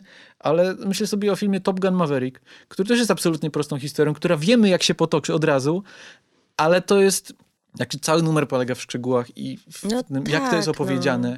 jak te konflikty są napisane, jakie są te Bo, prze, przemiany, mm -hmm. jakby cele i przeszkody bohaterów, jak te drogi, ich y, łuki narracyjne są zbudowane. To jest film, a to jest film, w którym nic się nie wydarza de facto. No, nikt no się tak, nie zmienia, no nikt tak. nie przechodzi żadnej drogi. No dokładnie. Ja się śmiałam też, e, że no wi wiadomo, że filmy porno nie ogląda się dla historii, prawda? Ale, ale co z tego? Ja po prostu chcę mieć historię, nawet jeżeli coś innego jest ważne w tym momencie dla, dla twórców, prawda? Że spadł długopis, że coś innego jest wa ważne dla twórców, że, że, że ten świat i ta wizualna część, to, ten spektakl, to jest to, co macie porwać. A nie, a nie, a historia jest jakby drugorzędna, to dla mnie, ja nie jestem taką No ale też umówmy się, to nie jest awangardowe kino, które ma działać jakimiś, wiesz, nie, no, nieznanymi środkami, no, tylko to jest no klasyczny no hollywoodzki jest... blockbuster, który jest historią, która macie po prostu porwać. No. A, a to, że to dobrze wygląda, to, to fajnie, ale to nie wystarcza. No dla mnie na przykład nie wystarcza. To znaczy, no, no bo, bo, bo wydaje mi się, że ta historia też jest niekonsekwentna, bo mówimy prosta historia, prosta historia. Więc może się za, zastanówmy nad tym scenariuszem, prawda? Mhm. No co mamy? Mamy przede wszystkim jestem zdziwiona, że Jake Sully nie przewidział, że ludzie wrócą. Tak, nikt się nie nauczył z ludzkiej historii. Tak. Jakby... Wiadomo, Myślę, że... że co się wydarzyło w Ameryce na tak, przykład. że co, przegonili ludzie i oni już odjadą i zostawią te złoże y, za miliardy dolarów, po prostu tak se zostawią. Wiadomo, że wrócą. Mhm. I dlaczego oni się jakoś specjalnie nie przygotowywali na to, mhm. bo to też, to też mnie tak zdziwiło. No ale dobra prawda? Wracają ci ludzie, oni robią, znowu walczą i tak dalej. To wszystko było fajnie. To ta scena ataku na pociąg e, była całkiem spoko. Tak sobie pomyślałam, dobra, mają tu jakąś taktykę, tutaj sobie latają, prawda? Poznajemy tych dwóch braci, którzy wyglądają tak samo, w sensie synów e, Jake'a. Okej, okay, dobra, jest tu jakiś konflikt, coś się dzieje i tak dalej. Ale potem ta decyzja, że Jake odlatuje z rodziną, mhm pomyślałam sobie, że to jest głupie, że to, nawet, jest, że to, to nawet... jest bez sensu bo ja rozumiem, że o, o, co chodzi dalej, prawda, że to prowadzi do, do jego prze, przemiany, że on tutaj chce najpierw chronić rodzinę, a potem stwierdza, że musi, żeby ochronić rodzinę, musi chronić cały świat, mhm. prawda, i, że, to, i to jest zresztą ten sama, ta sama historia, która jest w Terminatorze e, dwójce, prawda, dokładnie mhm. jest ten sam, ten sam dylemat. Mhm. No, ale... Nie, no to chodzi o to, że nie rozumiesz, czemu on się tak zachowuje, jakby tak. co on sobie, czego on się spodziewa, co, co, co myśli Jake Sully, że się stanie, wezmę swoją rodzinę i ucieknę do wodnego plemienia. I co myślisz, że to Że go nie znajdą, problemu? tak. Tak, I... no tak, ale że co? I że po prostu zostawia swoje plemię, którego jest przywódcą. Ja nie wiem, na przykład dużo ciekawsze by było, gdyby on odwiózł te dzieci same. I wrócił. I wrócił walczyć. I, i wtedy, a usunę, usunąłby się nudny bohater z filmu. no, ale wtedy byś nie miała filmu, którego chce nakręcić James Cameron, czyli no, filmu ja o rodzinie. Wie, ja wiem, ja wiem, ale za to byś miała nowy, nowi bohaterowie, którzy muszą się w nowym świecie sami odnaleźć i to było też ciekawsze. A tutaj są ci rodzice i jakaś taka dziwna jest polityka, prawda? Czy albo z kolei ciekawiej by było, gdyby on całe to plemię wziął mhm. i, i, przeniósł gdzie indziej, prawda? Że, że tu jest jakby kwestia jakichś uchodźców, prawda? Czy przyjmujemy uchodźców, czy nie przyjmujemy. To też by było jakąś ciekawą dyskusją. To trochę jest o tym, ale za, za mało. Ale jest za mało, bo to jest tylko godzina, to jest tylko mhm. jedna jednostka. Bo, bo też Jake Sully się zachowuje w taki dziwny sposób, jakby on był najważniejszą osobą na planecie. Tak. On mówi, ja ucieknę, więc ludzie przestaną się interesować Navi. No, ale czemu ludzie... on sobie tak pomyślał? No, ale... Ja rozumiem, że Quidditch, przepraszam, tak, tak, będziemy już o nim mówić zawsze. Ja rozumiem, że Quidditch tutaj ma osobistą vendetę i on zwłaszcza chce złapać Jake'a Sully'ego i rozumiem, że Eddie Falco mówi mu, że to to Jake Sully jest y, mózgiem stojącym za, za rebelianckimi taktykami To by było Navi. też super. Jasne, ale wciąż. To też by było super, że on jest głównym, głównym jakby dowodzącym, no coś ala Casablanca, prawda? Tutaj ten motyw, prawda? Że jest jakiś jeden przywódca, który jest super ważny. Mhm. I teraz y, ten, tego przywódcę należy po prostu zlikwidować i wtedy się rozpadnie No tak, ale Jake Sully ale... zachowuje się tak, że jakby ja, wy, ale... ja wyjadę, więc ludzie przestaną się interesować no, Navi. No tak, no, ale, ale nawet, nawet jeżeli to tak jakby porzuca swój posterunek, jakby no... Mhm. No nie... Ale to też nie jest sprzedane, bo to jeszcze gdyby to było ograne w taki sposób, że od razu wiemy, że Jake Sully popełnia błąd. Tak. Że to jest jakby jego grzech, który on przez resztę filmu pracuje, żeby naprawić. Mm-hmm. Ale to nie wybrzmiało w ten sposób. Tak. To wy... nie, to on... James Cameron wygrał to w taki sposób, że on jest dobrym ojcem tak. i chroni swoją że rodzinę. Że on jest super on jest bez wady, mhm. zauważ. I to jest też problem tego filmu, mhm. że on nie ma żadnej wady do przepracowania. No. Mhm. Jedyna ewentualnie może jest jego wada, że on y, jakby nie docenia swoich synów, no. że jest za surowy dla swoich synów, ale on ciągle jest, jakby jest za surowy dla tych synów do samego końca mhm. właściwie. No to jest też dziwna, dziwne kwestie, jakby takie niuanse wymowy tego filmu, mhm. który niby mamy silne kobiece bohaterki, wojowniczki w ciąży i tak dalej, ale z drugiej strony no to te Neyteri, najciekawsza postać filmu, zostaje zrelegowana do, do roli y, kury domowej, no. Jake się uczy latać na smoko aligatorze. No y, tak. Y, a Neyteri kroi jakieś warzywa a, no, i przecież to jest, przecież to jest to, co ja ci powiedziałam, myśmy razem ten film oglądali. No i tam właśnie była ta scena, gdzie dzieci się uczą pływać, mm -hmm. prawda? Jake tak, tak, się to ty uczy, do mnie tak. powiedziałaś, że... Ja się pochylam, a co ona pewnie uczy się gotować. I potem dwie sceny dalej jest dosłownie, jak ona kroi jakieś jedzonko. No mm -hmm. i Dwie sceny mnie zabolały w tym filmie, jeżeli chodzi o kobiece bohaterki. Pierwsza scena to jest jak ta mhm. młoda e, córka wodza się wyłania z wody, wyłania jak z wody Andres. dokładnie i pomyśl po prostu Mel Gaze, wiesz, e, a jeszcze sobie myślisz, przecież to niby jest dziecko, niby co ona ma, niby tam jest nastolatką, ma niby jakieś 14 lat, czy coś takiego, Eł. Ja, nie, ja myślę, że w ten sposób James Cameron przygotowuje widzów na tolerancję. Mówi, że Navi też mogą być, e, mogą wiesz, być seksowni. Creepami. Nie, że ty patrzysz, że wiesz. Nie, my patrzymy, my patrzymy. To, ta scena to jest typowy Mel Gaze, po prostu książkowy Ale właśnie przykład. o tym mówię. Oczywiście żartuję, żeby było jasne, ale James Cameron uczy w ten sposób ludzkich mężczyzn, że obcość też może być piękna. Ale Dobra, druga scena. Druga, a druga scena to jest ta scena, która mnie osobiście zabolała, jak umiera ten syn, starszy syn i Neyteri płacze, prawda? I po czym przychodzi Jake i mówi, teraz musimy walczyć, weź się w garść kobieto, no. I ona taka, mm, bierze swój łuk, jest super, super zła. Jakby, nie, odczep się. Znaczy dziwny jest też stosunek Jamesa Camerona do męskości w tym filmie, no. bo przez długą część wydaje się, że to jest film, który dekonstruuje męskość. Pokazuje ci, że faceci myślą siusiakami i podejmują zła decyzja za złą decyzją. No to wątek młodszego syna na przykład do tego tak. prowadzi, gdzie w kółko popełnia ten sam błąd, w kółko gdzieś tam ktoś go robi na Marty'ego McFly'a, mówi, tak. o jesteś tchórzem, mówi, nikt nie będzie nazywał mnie tchórzem. Jak nie mówi tego wprost, ale mhm. taki jest sens tych scen no tylko, że to do niczego nie prowadzi. On nie. osiem razy popełnia ten sam błąd, w końcu mu wychodzi tak. i na końcu okazuje się, że ojciec miał rację jednak. No tak, czyli nawet ten po konflikt pokoleń jest jakiś taki. No po prostu Jake Sully jest, jest mhm. mesjaszem, Bogiem, jakby nieomylnym bohaterem i ten konflikt między ojcem a synem jest absolutnie sztuczny, moim zdaniem. Że, że to by było fajne, żeby na przykład, mhm. bo Jake Sully niby był też takim odwa odważnym mawerykiem, że tam robił różne rzeczy, które mhm. właśnie nie do końca przemyślane. No i że syn jest taki sam i że może Jake Sully widzi, mhm. że ten syn był tak jak on, a on się o niego boi, bla, bla, bla, bla, że może powinien w jakąś tą stronę tubić konflikt, że on mu nie pozwala, bo ale powinien mu pozwolić i tak dalej, i tak dalej. Ten konflikt nie jest w ogóle wygrany. No bo on jest, jest zmącony przez to, że jest ten drugi brat, który jest tym jakby doskonałym synem i ten młodszy brat ma mu to za złe, że on jest takim przykładnym żołnierzem, się słucha ojca, robi wszystko, co ten każe, ale to w zasadzie to w jednej jest. scenie jest nam powiedziane wprost, a potem starszy brat umiera. Ja się przez pół filmu zastanawiałem, Także po pierwsze miałem problem z rozróżnieniem obu braci, a po drugie się zastanawiałem, bo jednak ten drugi zostaje trochę rozbudowany, ma swoją przyjaźń z, z no wielorybem tak. i tak dalej. E, no jest trochę swoje, bardziej tak, zbuntowany, ma, ma, ma dziewczynę tak, i tak dalej. Więc coś się z nim dzieje. I tak. sobie myślałem, a co z tym drugim? Czemu z tym drugim nic się nie dzieje? Po czym ten drugi ginie i sobie pomyślałem, aha, Czyli mm. o to mm. chodziło. Co w zasadzie też jest bez sensu, bo skoro o to chodziło, skoro on miał zginąć, to może trzeba było trochę bardziej go podbudować, żebyśmy poczuli jakoś ten żal. Tak. Ten żal. A jest tak, że on jest czwartym czwartym z rodziny, którego najmniej poznaliśmy, więc w zasadzie najmniej na nim, nam na nim zależy, więc okej, okay, można go zabić, bo w zasadzie to jest taki pozorowany, pozorowany tak. dramat, że niby ktoś umarł, ale widz tak naprawdę, widz się trochę wzruszy, bo rozumie, ale tak, tak. naprawdę to serca Niko, mu to nie złamie. Tak, nikogo nie, za nikim nie będzie tęsknił poważnie. No, co, co jest moim zdaniem błędem, no, bo bo, prawda, my się często kłócimy, ja mówię, że różne rzeczy są dla dzieci. Mhm.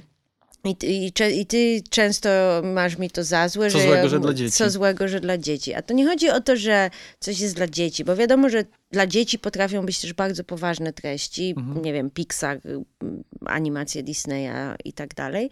Natomiast moim zdaniem to jest po prostu infantylne, że ta historia jest za prosta. I nie wynika z tego nic ciekawego, oprócz tego rodzina fajna, e, chciwość zła. No, Dzięki James. Dzięki James, tak. No. A, a z drugiej strony to jest mega brutalne. W tym sensie, że troszeczkę się czułam manipulowana emocjonalnie.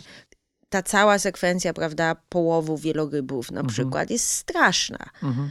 I, I, kompletnie moim zdaniem niepotrzebna, bo to jest tak jakby takie fetyszyzowanie jakiejś mhm. przemocy wobec zwierząt i pokazanie jakby tu jest ten pedał dociśnięty, prawda, jakiegoś takiego emocjonalnego nacisku na, na widza, że tu masz czuć widzu mhm. i rzeczywiście się czuje, bo James Cameron to dobrze filmuje, bo on na scenach akcji to się naprawdę zna, potrafi je zbudować i potrafi zbudować napięcie, ale ja myślę sobie, dlaczego ja to mam oglądać, dlaczego mhm. to tyle trwa i wiadomo już, już po, po trzech sekundach wiesz, że to wszystko jest że źli są ludzie i że biele, biedne wieloryby, które jeszcze układają pieśni.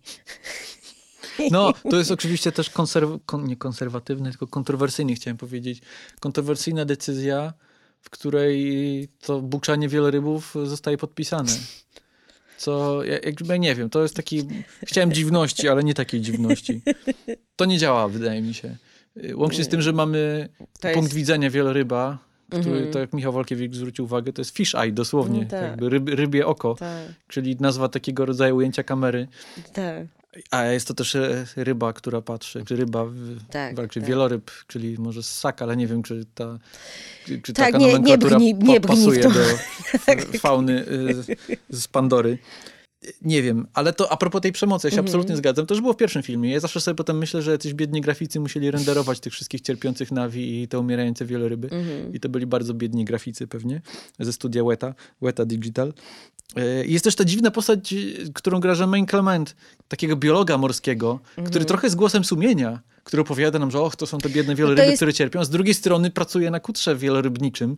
No to zasadzie... jest taka Sigourney Weaver, tylko w innym, drugim filmie, no taki naukowiec, który, wiesz, niby chce tutaj coś się Ale dowiedzieć tak dobrze, i tak dalej. Myślisz, chce, co robisz no, gościu Bierzesz pieniądze, tak, bierzesz pieniądze od, od złych znaczy, ja nie mam problemu z tym, że to, jest, że to jest postać w takim ciekawym klinczu mhm. moralnym, mm. tylko że to w ogóle nie, nie, nie jest tematyzowane. On po tak. prostu tam jest i on ma być fajny, ale pracuje na kulturze rybackim, więc masz jakby sprzeczne sygnały wysyłane tak. od Jamesa Camerona. A jeśli, skoro mowa o sprzecznych sygnałach, to ja się też zastanawiałem nad kwestią motywacji w ogóle ludzkości w tym mm -hmm. filmie. Bo okej, okay, mamy Anoptenium, wspaniale nazwany nowy pierwiastek, którego złoża znajdują się na Pandorze i który tak naprawdę jest tutaj głównym wabikiem dla człowieka. Tak się przynajmniej, przynajmniej wydawało w, w pierwszym, pierwszym filmie. filmie miało być. Tak. Tutaj Edie Falco nam opowiada, że nie, nie, nie, chodzi o co innego. Ziemia umiera.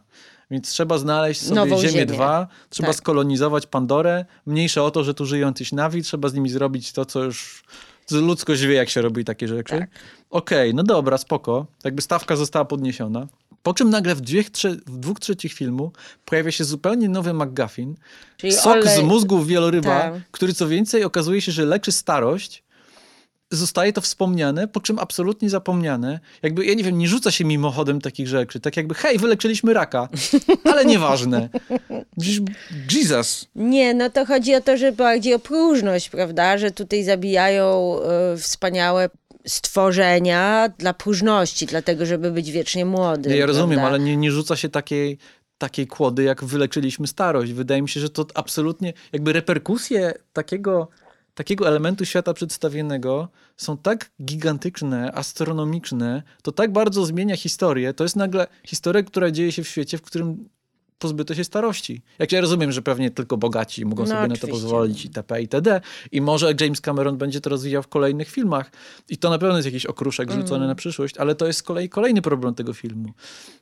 James Cameron niby by obiecywał, że każdy kolejny, każda kolejna część Awatara będzie zamkniętym filmem, zamkniętą opowieścią, ale absolutnie tak nie, Nie jest. tak. Absolutnie widzisz, że on tutaj myśli serio, że jest takie poczucie niekompletności po obejrzeniu tej historii, że to jest tylko jakiś rozdział, że to wszystko dokądś prowadzi i jest No jakby nie, no nie, masz te, masz te postacie, prawda, Ki, Kiri ona jest, tak? Tak, Sigourney Weaver. Tak, i tego chłopczyka ludzkiego. Spidera. Spi- tak. No, przy, na, przypadku, czy na przykładzie Spidera i jego relacji z Quaritchem to widać najlepiej, bo ewidentnie James Cameron postanowił rozbudować trochę postać Quaritcha, dodać mu Mhm. trochę jakichś tam dylematów moralnych, bo oczywiście to nie jest Quaritch, tylko to jest jego klon w wersji Navi, tak. który trochę się z nim utożsamia, bo jakby kontynuuje jego vendetę, czy mści się za niego, ale z drugiej strony ma jakieś swoje tutaj różne moralne wątpliwości, bo się okazuje nagle, że ma syna, że syn jest y, z Navi, poza tym on sam jest w ciele Navi, więc możliwe, że trochę inaczej od- doświadcza rzeczywistości. Fajnie, tylko że nic się z tym nie dzieje. I masz Tak. takie poczucie, że to jest kolejna rzecz, którą James Cameron odstawia na hej, Na w czwartym później. filmie to ten Tak. Quaritch się zmieni. Tym bardziej, że już oglądając ten film myślisz sobie, no to jest w sumie ciekawe, co się dzieje z Quaritchem, ale sobie Tak. myślisz, jeśli Quaritch przejdzie przemianę, to nie ma Wilana. No, ale no to i Di jest- Falco przecież przynajmniej w tym filmie nie jest zbudowana jako Wilan, więc masz takie poczucie, ale co my w ogóle oglądamy? Rzeczy, które sugeruje nam James Cameron, to no, są rzeczy, które on nie ma jak spieniężyć w Bo, tym bo filmie. to tam mógłby być na przykład fajna walka, że właśnie Quaritch się zmienił Mhm. i on już jest inny, ale z jakichś powodów musi ciągle walczyć z Jake'em, Mhm. albo po prostu walczy z Jake'em, albo Jake walczy z nim. Tu jest ciekawy, ciekawy konflikt, to dodaje jakby jakiegoś dramatu i potem właśnie ten Spider musi go, go ratuje, ale mimo, że jest z Navi, ale go ratuje, a to jest jego tata i tak dalej. A tak swoją drogą, gdzie jest mama tego dzieciaka? Bo ja rozumiem, że zły em, że dziecka nie można było przetransportować, No, prawda? zginęła, tak nie dalej. to, to... No, no tak, ale, ale czy może być tak, jest, że to jest coś zostawione też na kolejne filmy? że to jest w ogóle jakby nieporuszone, w ogóle tak sobie W myślę. Awatarze 8 myślę, że może się pojawić mama. Nie wiem. Spider-Woman to będzie. Okej. Nie wiem, bo potem masz i masz tą postać Kiri, Mhm. która jest. Ona z kolei nie wiadomo, kto jest jej tatą, co oczywiście już totalnie wydaje się, że planeta jest jej tatą, czy tam ta bogini jest jej tatą, czy mamą, czy.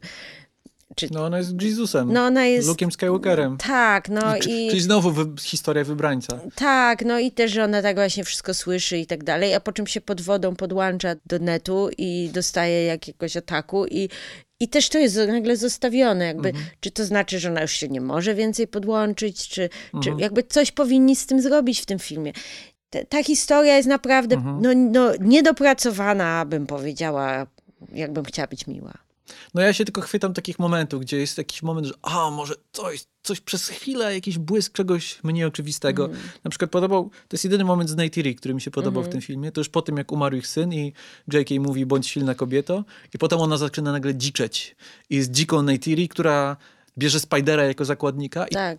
I to jest coś nieoczywistego, coś, czego się nie spodziewasz, chociaż to jest podbudowane wcześniej, bo jest powiedziane, że Neytiri nigdy Spiderowi nie ufała i zawsze uważała go za człowieka i nie chciała, żeby był częścią Navi, więc to nie bierze się znikąd, ale jest jakimś takim zwrotem akcji ciekawym.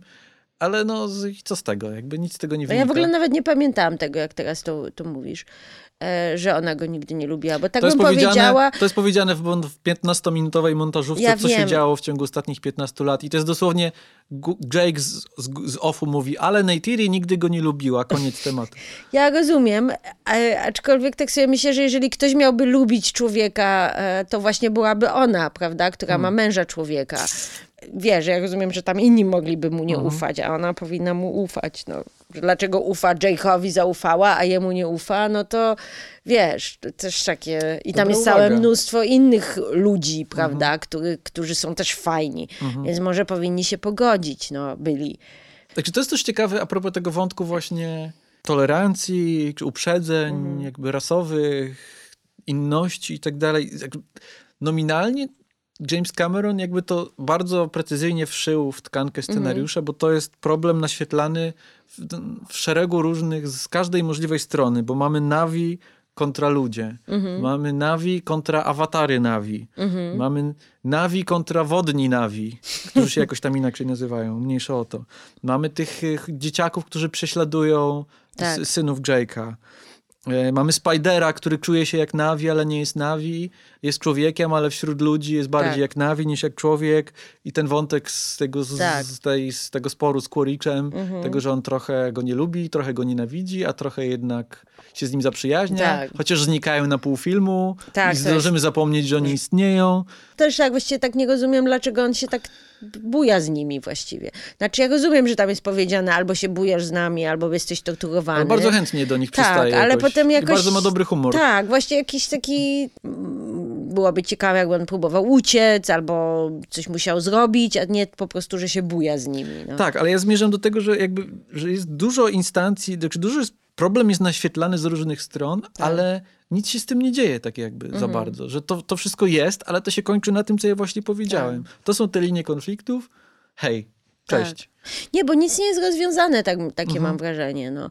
że, że oczywiście, dobra, nawi i wodni nawi się zaprzyjaźniają, ale nie ma, nie ma, nie ma się poczucia, że na przykład w Mhm. tym sensie, że tam na końcu, na końcu wodny Nawi mówi do Jake'a, teraz, ponieważ twoi krewny leży z naszymi przodkami, to jesteś częścią No to jest nas. w ogóle, because, no. ale, ale w ogóle nie, reasons, tak tak, ale w ogóle tego nie czujesz, bo masz wrażenie, że oni, że oni właściwie nigdy, szczególnie postać grana przez Kate Winslet, która jest totalnie cały czas wkurzoną, wkurzoną wojowniczką Mhm. I, i jakby kompletnie nie masz jakichś takich momentów, gdzie oni, nie wiem, siedzą jedzą wspólnie na przykład, albo opowiadają, wymieniają Mhm. Tak. się jakimiś historiami, albo okazuje się, że okej, mamy to wspólne to, że coś tam. Ale to też prawda? a propos tego, co mówiliśmy wcześniej, że nic się w tym filmie nie zmienia, nic się nie, Nie. wydarza, bo kiedy Jake i rodzina przyjeżdżają do, do, do wodnego plemienia, no to Kate Winslet od razu jest, no nie, wy jesteście tam, Tak. idźcie sobie, a przepraszam, y, Cliff Curtis, czyli jej mąż, jest, hej, nie, jednak chodźcie z nami. Mhm. Tak. I na końcu jest to samo.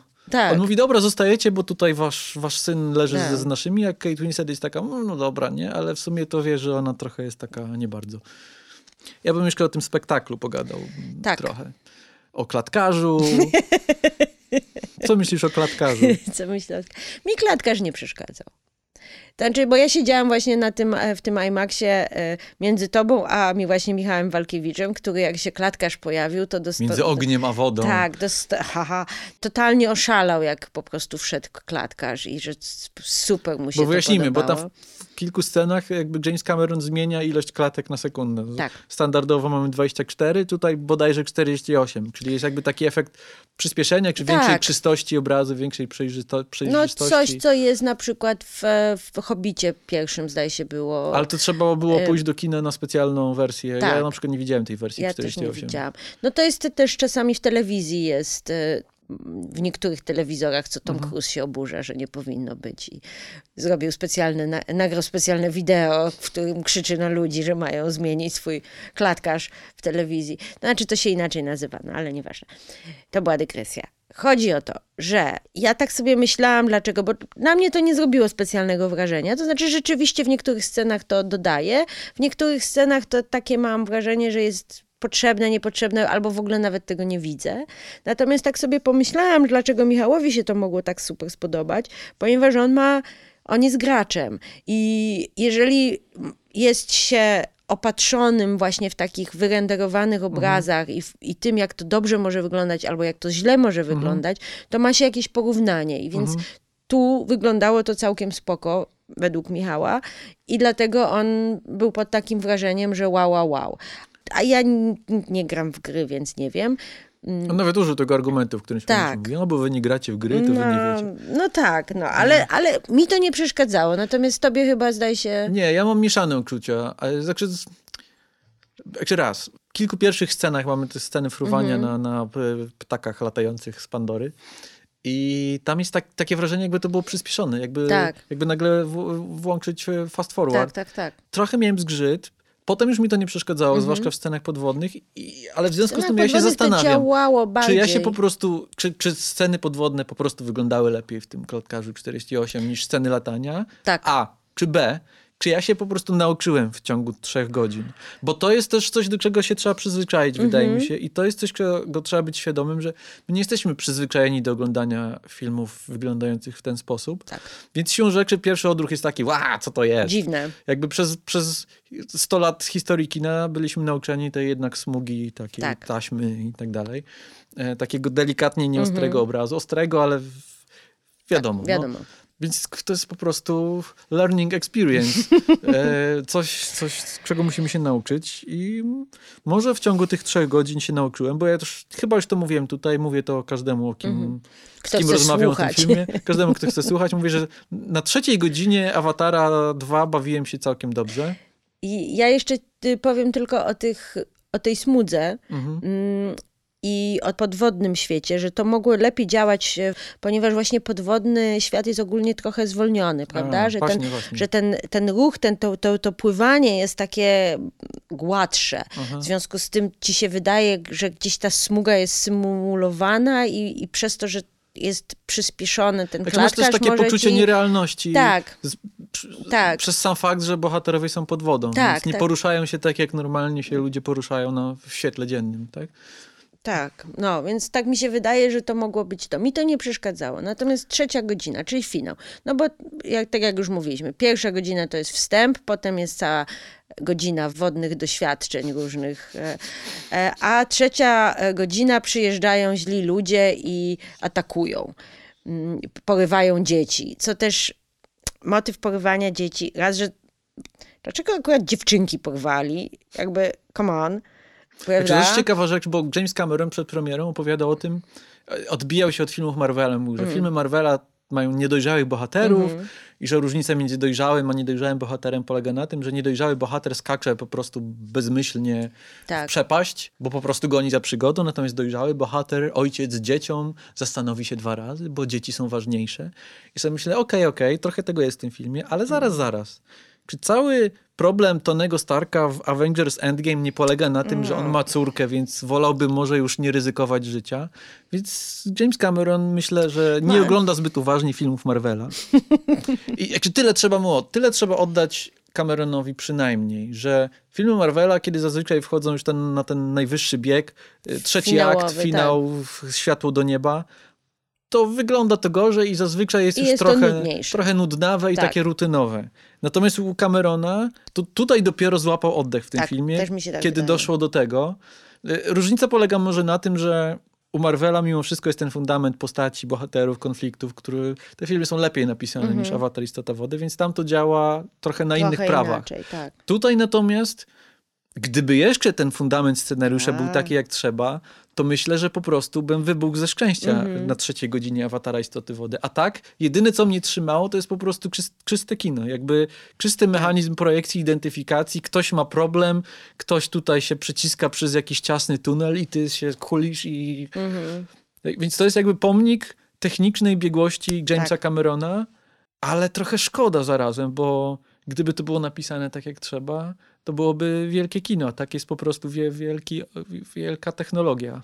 Tak, ale trzeba przyznać, że ten finał naprawdę trzyma w napięciu, Trzyma. prawda? I, to, I to trwa godzinę. I to trwa godzinę i, i przez tą całą godzinę człowiek się denerwuje na tym Mhm. fotelu kinowym.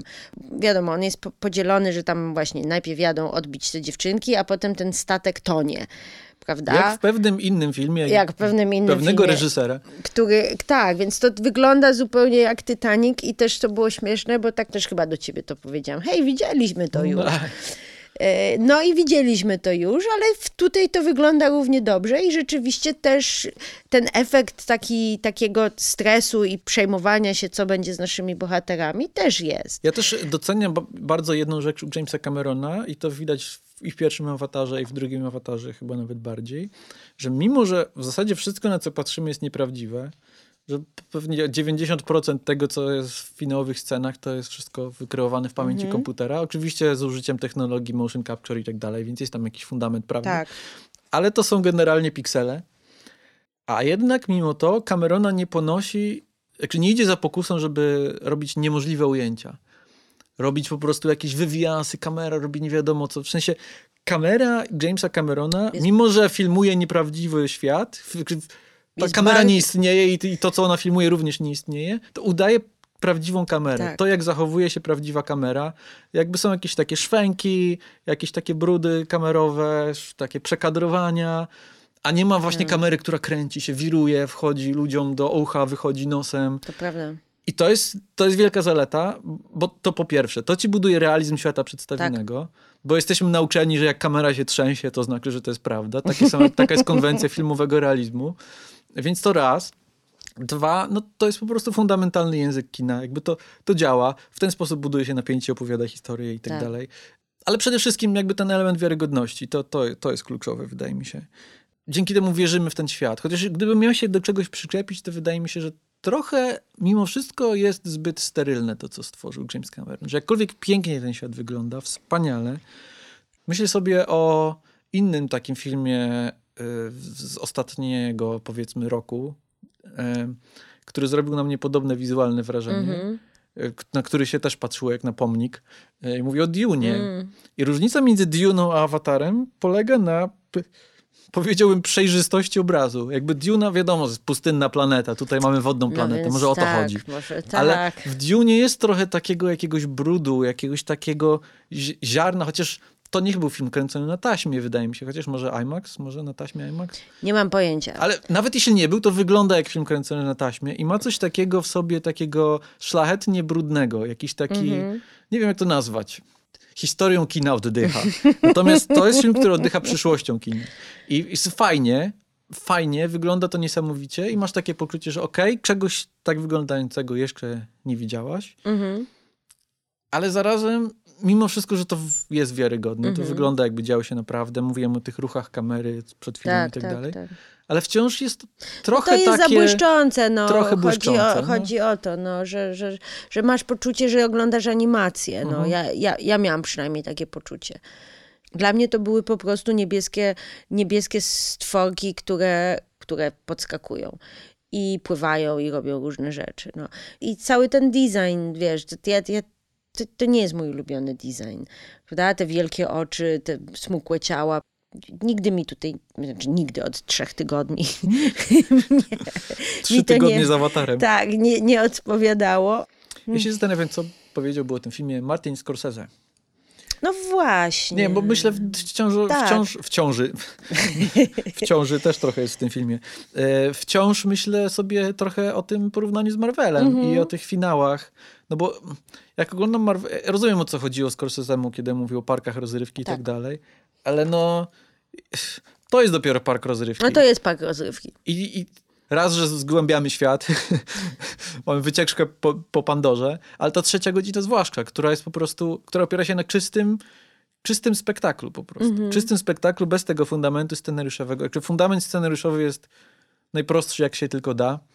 Ale mi się wydaje, że ta trzecia godzina to jest największa wartość tego filmu. W no tym jest, sensie, że, jest. że o, o, oczywiście jakby ten cały świat podwodny jest też super ważny i super fajny i naprawdę przepiękny, ale to, gdzie ten, ten film się robi jakimś kinem, to dla mnie przynajmniej to jest, to jest ten finał. Tak. Nie wiem, jak to, nie wiem, jak to um, sformułować, bo ja rozumiem, Martin Scorsese chce, żeby filmy opowiadały o czymś i były jakieś i tak dalej, ale niech Martin Scorsese też nie zapomina, że film też gdzieś tam macie ponieść wizualnie, prawda? Czy to jest to, że coś jest, że coś jest proste i właśnie dla dzieci, to znaczy, że to jest niewarte? Czy, czy to po prostu jest niewarte, bo to jest płytkie i nie wnosi żadnej treści, mimo że bardzo się stara, bo mi się wydaje, że jakby się Jamesowi Cameronowi wprost powiedziało e, w nos, że nakręciłeś głupi film, mhm. durny, o niczym, to on by się obraził, bo powiedziałby, ale przecież jest mhm. przesłanie ekologiczne, że przecież ludzie niszczą, niszczą planetę i tak dalej. Przecież ten film jest jakby kipi od przesłania. To jest jedno wielkie przesłanie, prawda? Ale to jest Więc problem to jest... z przesłaniem, że przesłanie trzeba kupić. Jakby no. to, bo to jest przesłanie, które wiesz od razu, że tak. takie jest przesłanie. I na końcu filmu jest to samo, samo przesłanie. przesłanie. Jakby nie musisz obejrzeć tego filmu, żeby wyciągnąć to przesłanie. Tak. I to nie jest tak, że wchodzisz, w ten, zaczynasz oglądać ten film i nie zgadzasz się z Jamesem mhm. Cameronem w, jakiś, w jakimś tym i on ci zmienia zdanie przez ten film, prawda? Albo mhm. pokazuje jakąś prawdę, odkry, odkrywa jakąś prawdę przed tobą. Wszystko jest wiadome, no. no dlatego też na przykład on Dlatego mówimy o nim, że jest mistrzem sequela, bo kiedy idziesz na Aliens albo na Terminatora 2, to idziesz z pewnym bagażem oczekiwań. Mm -hmm. I James Cameron wyrzuca te oczekiwania do, do śmietnika i pokazuje ci, że z tych samych klocków da się opowiedzieć zupełnie inną historię. I chociażby na takim prostym poziomie, tak. jakby zabawy z konwencją i oczekiwaniem, on już tworzy jakąś opowieść, tworzy jakiś konflikt. Tak. To jest tak. konflikt jakby jego z tobą, jako tak. widzem. E, natomiast tu nie ma żadnego konfliktu. To jest dokładnie ta historia, której się spodziewasz, opowiedziana tak, jak się spodziewasz, z przesłaniem takim, mm. jakiego się spodziewasz. I okej, okay, spoko, ale nie wiem. Jeszcze też jak mówimy o tych parkach rozrywki, o tym finale spektakularnym i tak dalej, to też sobie myślę, że mimo wszystko to, to jest trochę zaleta tego filmu, a trochę wada. Zaleta w takim sensie, że cała ostatnia godzina to wielkie starcie -hmm. Jake'a z, ze złymi ludźmi, to jest w zasadzie walka na kutrze rybackim. I z jednej strony fajnie, bo z czegoś błahego w zasadzie udaje się zrobić jakby spektakl większy niż życie. A z drugiej strony masz takie poczucie, że to jest trochę walka o nic, że w pierwszym filmie, kiedy Navi walczyli z ludźmi, to miałeś takie poczucie, że jakby to ważą się losy planety. planety. Tak. A tutaj ważą się losy, nie wiem czego. No rodziny Salich. No okej, okay, rodziny no. Salich, ale jakby w skali, Na... w skali historii, którą opowiada nam James Cameron, to jest, jakaś, to jest jakiś przecinek. No tak, no ale wiadomo, no, że ta rodzina ma symbolizować tą planetę i tak dalej, że więź między tymi ludźmi, ma, ma między, między członkami rodziny, to jest jakby więź, która jest między ludźmi. Tak. Przekonałaś mnie. tak, szczególnie Czekam z tym, na Awatara 3. z tym entuzjastycznym to, tonem. Hej, ja mam takie wrażenie, że tro, trochę się przestraszyłam przez ten nasz podcast, że po prostu y, ciągle nagadujemy na ten film i że to jest jedno wielkie narzekanie, że ten film jest kiepski. A potem sobie pomyślałam, że hej, jest jakiś strach w mówieniu źle o tym filmie. Nie mm. masz wrażenia, że jakby i że w ogóle mówieniu źle o awatarze, że, że nie wiem, że tak jakby się miało złą opinię na temat tego filmu, tak jakby się, nie wiem, nie doceniało. A to jest czegoś. dziwne, bo, bo zarazem jest bo też na to się nakłada coś takiego, że jesteśmy szantażowani, że to jest film, który ma zbawić kino i że jeśli awatar zatonie, to już to jest koniec kin. I w tym sensie życzę dobrze e, Jamesowi Cameronowi awatarowi. Fajnie, żeby się dobrze ten film ja obejrzał też... i żeby kino przetrwały i tak dalej. Natomiast e, i faktycznie jest dużo osób, które bardzo źle reaguje, kiedy słyszy, że tobie się ten film nie podobał, mm ale zarazem dziwi mnie taka reakcja tych osób na twoją reakcję, bo wydawało mi się przez ostatnie 15 lat, czy 13, że czy się minął, śmiali. Że tak, że było taki bardzo, bardzo duża grupa osób, które mówiły haha, Smurfy, Pocahontas, a, i, i, albo osoby takie jak ty, które nawet nie obejrzały, tak. bo tak protekcjonalnie traktowały ten film. Nie protekcjonalnie, mi się po prostu ten design nie podobał, no. Nie, nie wiem, no ja nie chcę, nie chcę, znaczy jeżeli ktoś idzie do kina, żeby przeżyć spektakl właśnie i zobaczyć coś, coś naprawdę przepięknego i wizualnie odjechanego, no to to jest film. To jest rzeczywiście też pytanie, po co się ogląda filmy, co jest najważniejsze w filmie dla danej osoby, prawda? Dla mnie zawsze była historia i zawsze będzie historia. I, i okej, okay, wizualna strona jest fajna i ważna, ale jeżeli historia leży, to ja, ja nie daję się kupić po prostu tylko obrazkowi, mimo że kino to jest przede wszystkim obrazek. No dla mnie jest różnie, ale w tym wypadku no jakby no, tak jak już mówiłem, to jest klasyczny Mm. hollywoodzki blockbuster, kino stylu zerowego, to powinno się bronić jako historia, a tutaj może też przez to, że skala jest tak rozdęta, że to są trzy godziny, że gdyby to trwało półtorej godziny, to może aż tak by ci nie przeszkadzało, że ta historia jest w zasadzie prosta. Tak jak w przypadku pierwszego Awatara, który jest równie prostym filmem, ale wydaje mi się, że lepszym. Nie, moim zdaniem jest lepszy. I ja moim tu miałem zdaniem... takie poczucie, po prostu mam poczucie, jakbym zjadł wielką czekoladę, jakby puste kalorie, to nawet chyba to napisałem w komentarzu, że to są ładne, puste kalorie. No tak. Ale powiem ci, że... Czekolada jest pyszna, ale Ale powiem ci, że... powiem ci, że... jeżeli ktoś lubi, to pewnie to nie jest tak, tylko że po prostu dla mnie to nie jest to, nie jest to co ja chcę od kina. Tak, ale też nie musisz się bronić. Ja się nie bronię, ja po prostu... Zawsze jest, zawsze jest Top Gun Maverick na przykład, który, no wiesz, No tak, ale, zawsze po... będziemy mieli już teraz Top Gun Maverick do, do zniszczenia każdego innego blockbustera. ale wiesz, dla Patrzcie, mnie to dla mnie patrzcie co zrobił Tom Cruise. Ale wiesz, dla mnie Top Gun Maverick to też, e, nie wiem, czy, bo żeśmy też mieli podcast o Top Gunie. E, Dla mnie ten Top Gun, Top Gun Maverick też nie jest idealnym filmem. To, to nie jest tak, że to jest po prostu, to wy kochacie ten film. I Wy. dla mnie, wy, wy chłopcy, wy chłopcy z redakcji. E, Myślałem, dla- że będzie jak w, Casa, w Casablance. Zawsze będziemy mieli Paryż, zawsze, Zawsze, będziemy, będziemy mieli Top Gun. Top Gun nie, Maverick. ja bardzo doceniam ten film i ja się nie, nie czepiam, tylko że tam wiesz, też miałam no, postać kobieca, no, to były nierozbudowane bla, bla, postacie i tak dalej. Jako spek- spektakl absolutnie działa dla No, mnie. ale z tym się Natomiast- chyba zgodzisz, że jest to lepszy film niż No Avatar nie, no jest Istota Wody. 10 razy lepszy, no. A z drugiej strony Zresztą umieściłam chyba w top moim... stwórzmy skalę. Tak. O, Avatar Istota Wody. Można obejrzeć, nie jest super. Mhm. Top Gun Maverick był lepszy, ale słuchajcie, zawsze jest Black Adam. Jakby zawsze może być gorzej. O nie, Morbius. o fu, nie. To nie, to, to, to nie są te, te głębie, że tak powiem, w żadnym nie, wypadku. no wiadomo. To jest no kompetentne, wiadomo. funkcjonalne kino, które pięknie wygląda i myślisz sobie, szkoda, że tyle zachodu poszło na film, który mógł być lepszy. Bo przykre. skoro tyle zachodu poszło, to może to dziwne, że jeszcze więcej zachodu nie poszło w scenariusz na przykład. No, mogli, mogli popracować trochę nad tym. Na zachodzie bez zmian. A to swoją drogą bardzo dobry film. A ja nie widziałem. A czekasz na trzecią część? Na Awatara, zachodzie a bez... nie na zachodzie. No Tam się wciąż nic nie zmieni. Na zachodzie wciąż bez zmian. E, chciałam zrobić ten dowcip. Czy czekam? Wiesz, nie czekam, ale nie czekałam też na ten. E, natomiast czy zobaczę? Pewnie zobaczę. Czekam na inne filmy, które chętniej bym zobaczyła e, zamiast tego. E, na przykład Dune, drugą część Duny, jeżeli mówimy o spektaklu. Ale oczywiście, że zobaczę. No. Bo ja, bo ja trochę wciąż jakby, wciąż myślę sobie, że jest jakiś tam potencjał i myślę sobie, że może skoro w drugim nie udało się jakby wykorzystać potencjału, może w trzecim się uda. Ja mam nadzieję, że się, ja naprawdę mam nadzieję, że się sprzeda i że Hmm. te lata pracy nad, nad wodnym światem się, się opłacą i że naprawdę to jest, to jest szczera moja opinia. No, na, natomiast ja nie wierzę, że po tym filmie ja nie wierzę, że może coś być. Szczególnie, że naprawdę uważam, że to jest film. Mam, mam poczucie, że James Cameron za, zatrzymał się w latach 90., i że to jest historia wyciągnięta jak z lat 90. I wydaje mi się, że w kino poszło naprzód, że opowieści, które y, dostajemy, poszły naprzód, że w pewnym sensie jakieś przełamywanie konwencji, y, mieszanie gatunków ze sobą, że, że teraz takie filmy się robi. Nie, to ja się z tym nie zgadzam. Jakby wrócę do Top Gun Maverick. Wydaje mi się, że cały numer polega nie, nie w tym, czy ten film coś przełamuje, czy nie przełamuje, tylko po prostu cały diabeł, cały, dia, cały diabeł tkwi w szczegółach. Że po prostu to jest, brzmi to banalnie, ale trzeba dobrze opowiedzieć tę historię. to Okej, nie jest dobrze dobra. opowiedziana historia. To mogła być prosta historia, jak najbardziej. Proszę prostą historię, ale dobrą. Nie, nie zdążę, jak ktoś mówi, e, a jakie lubisz filmy dobre? Mhm.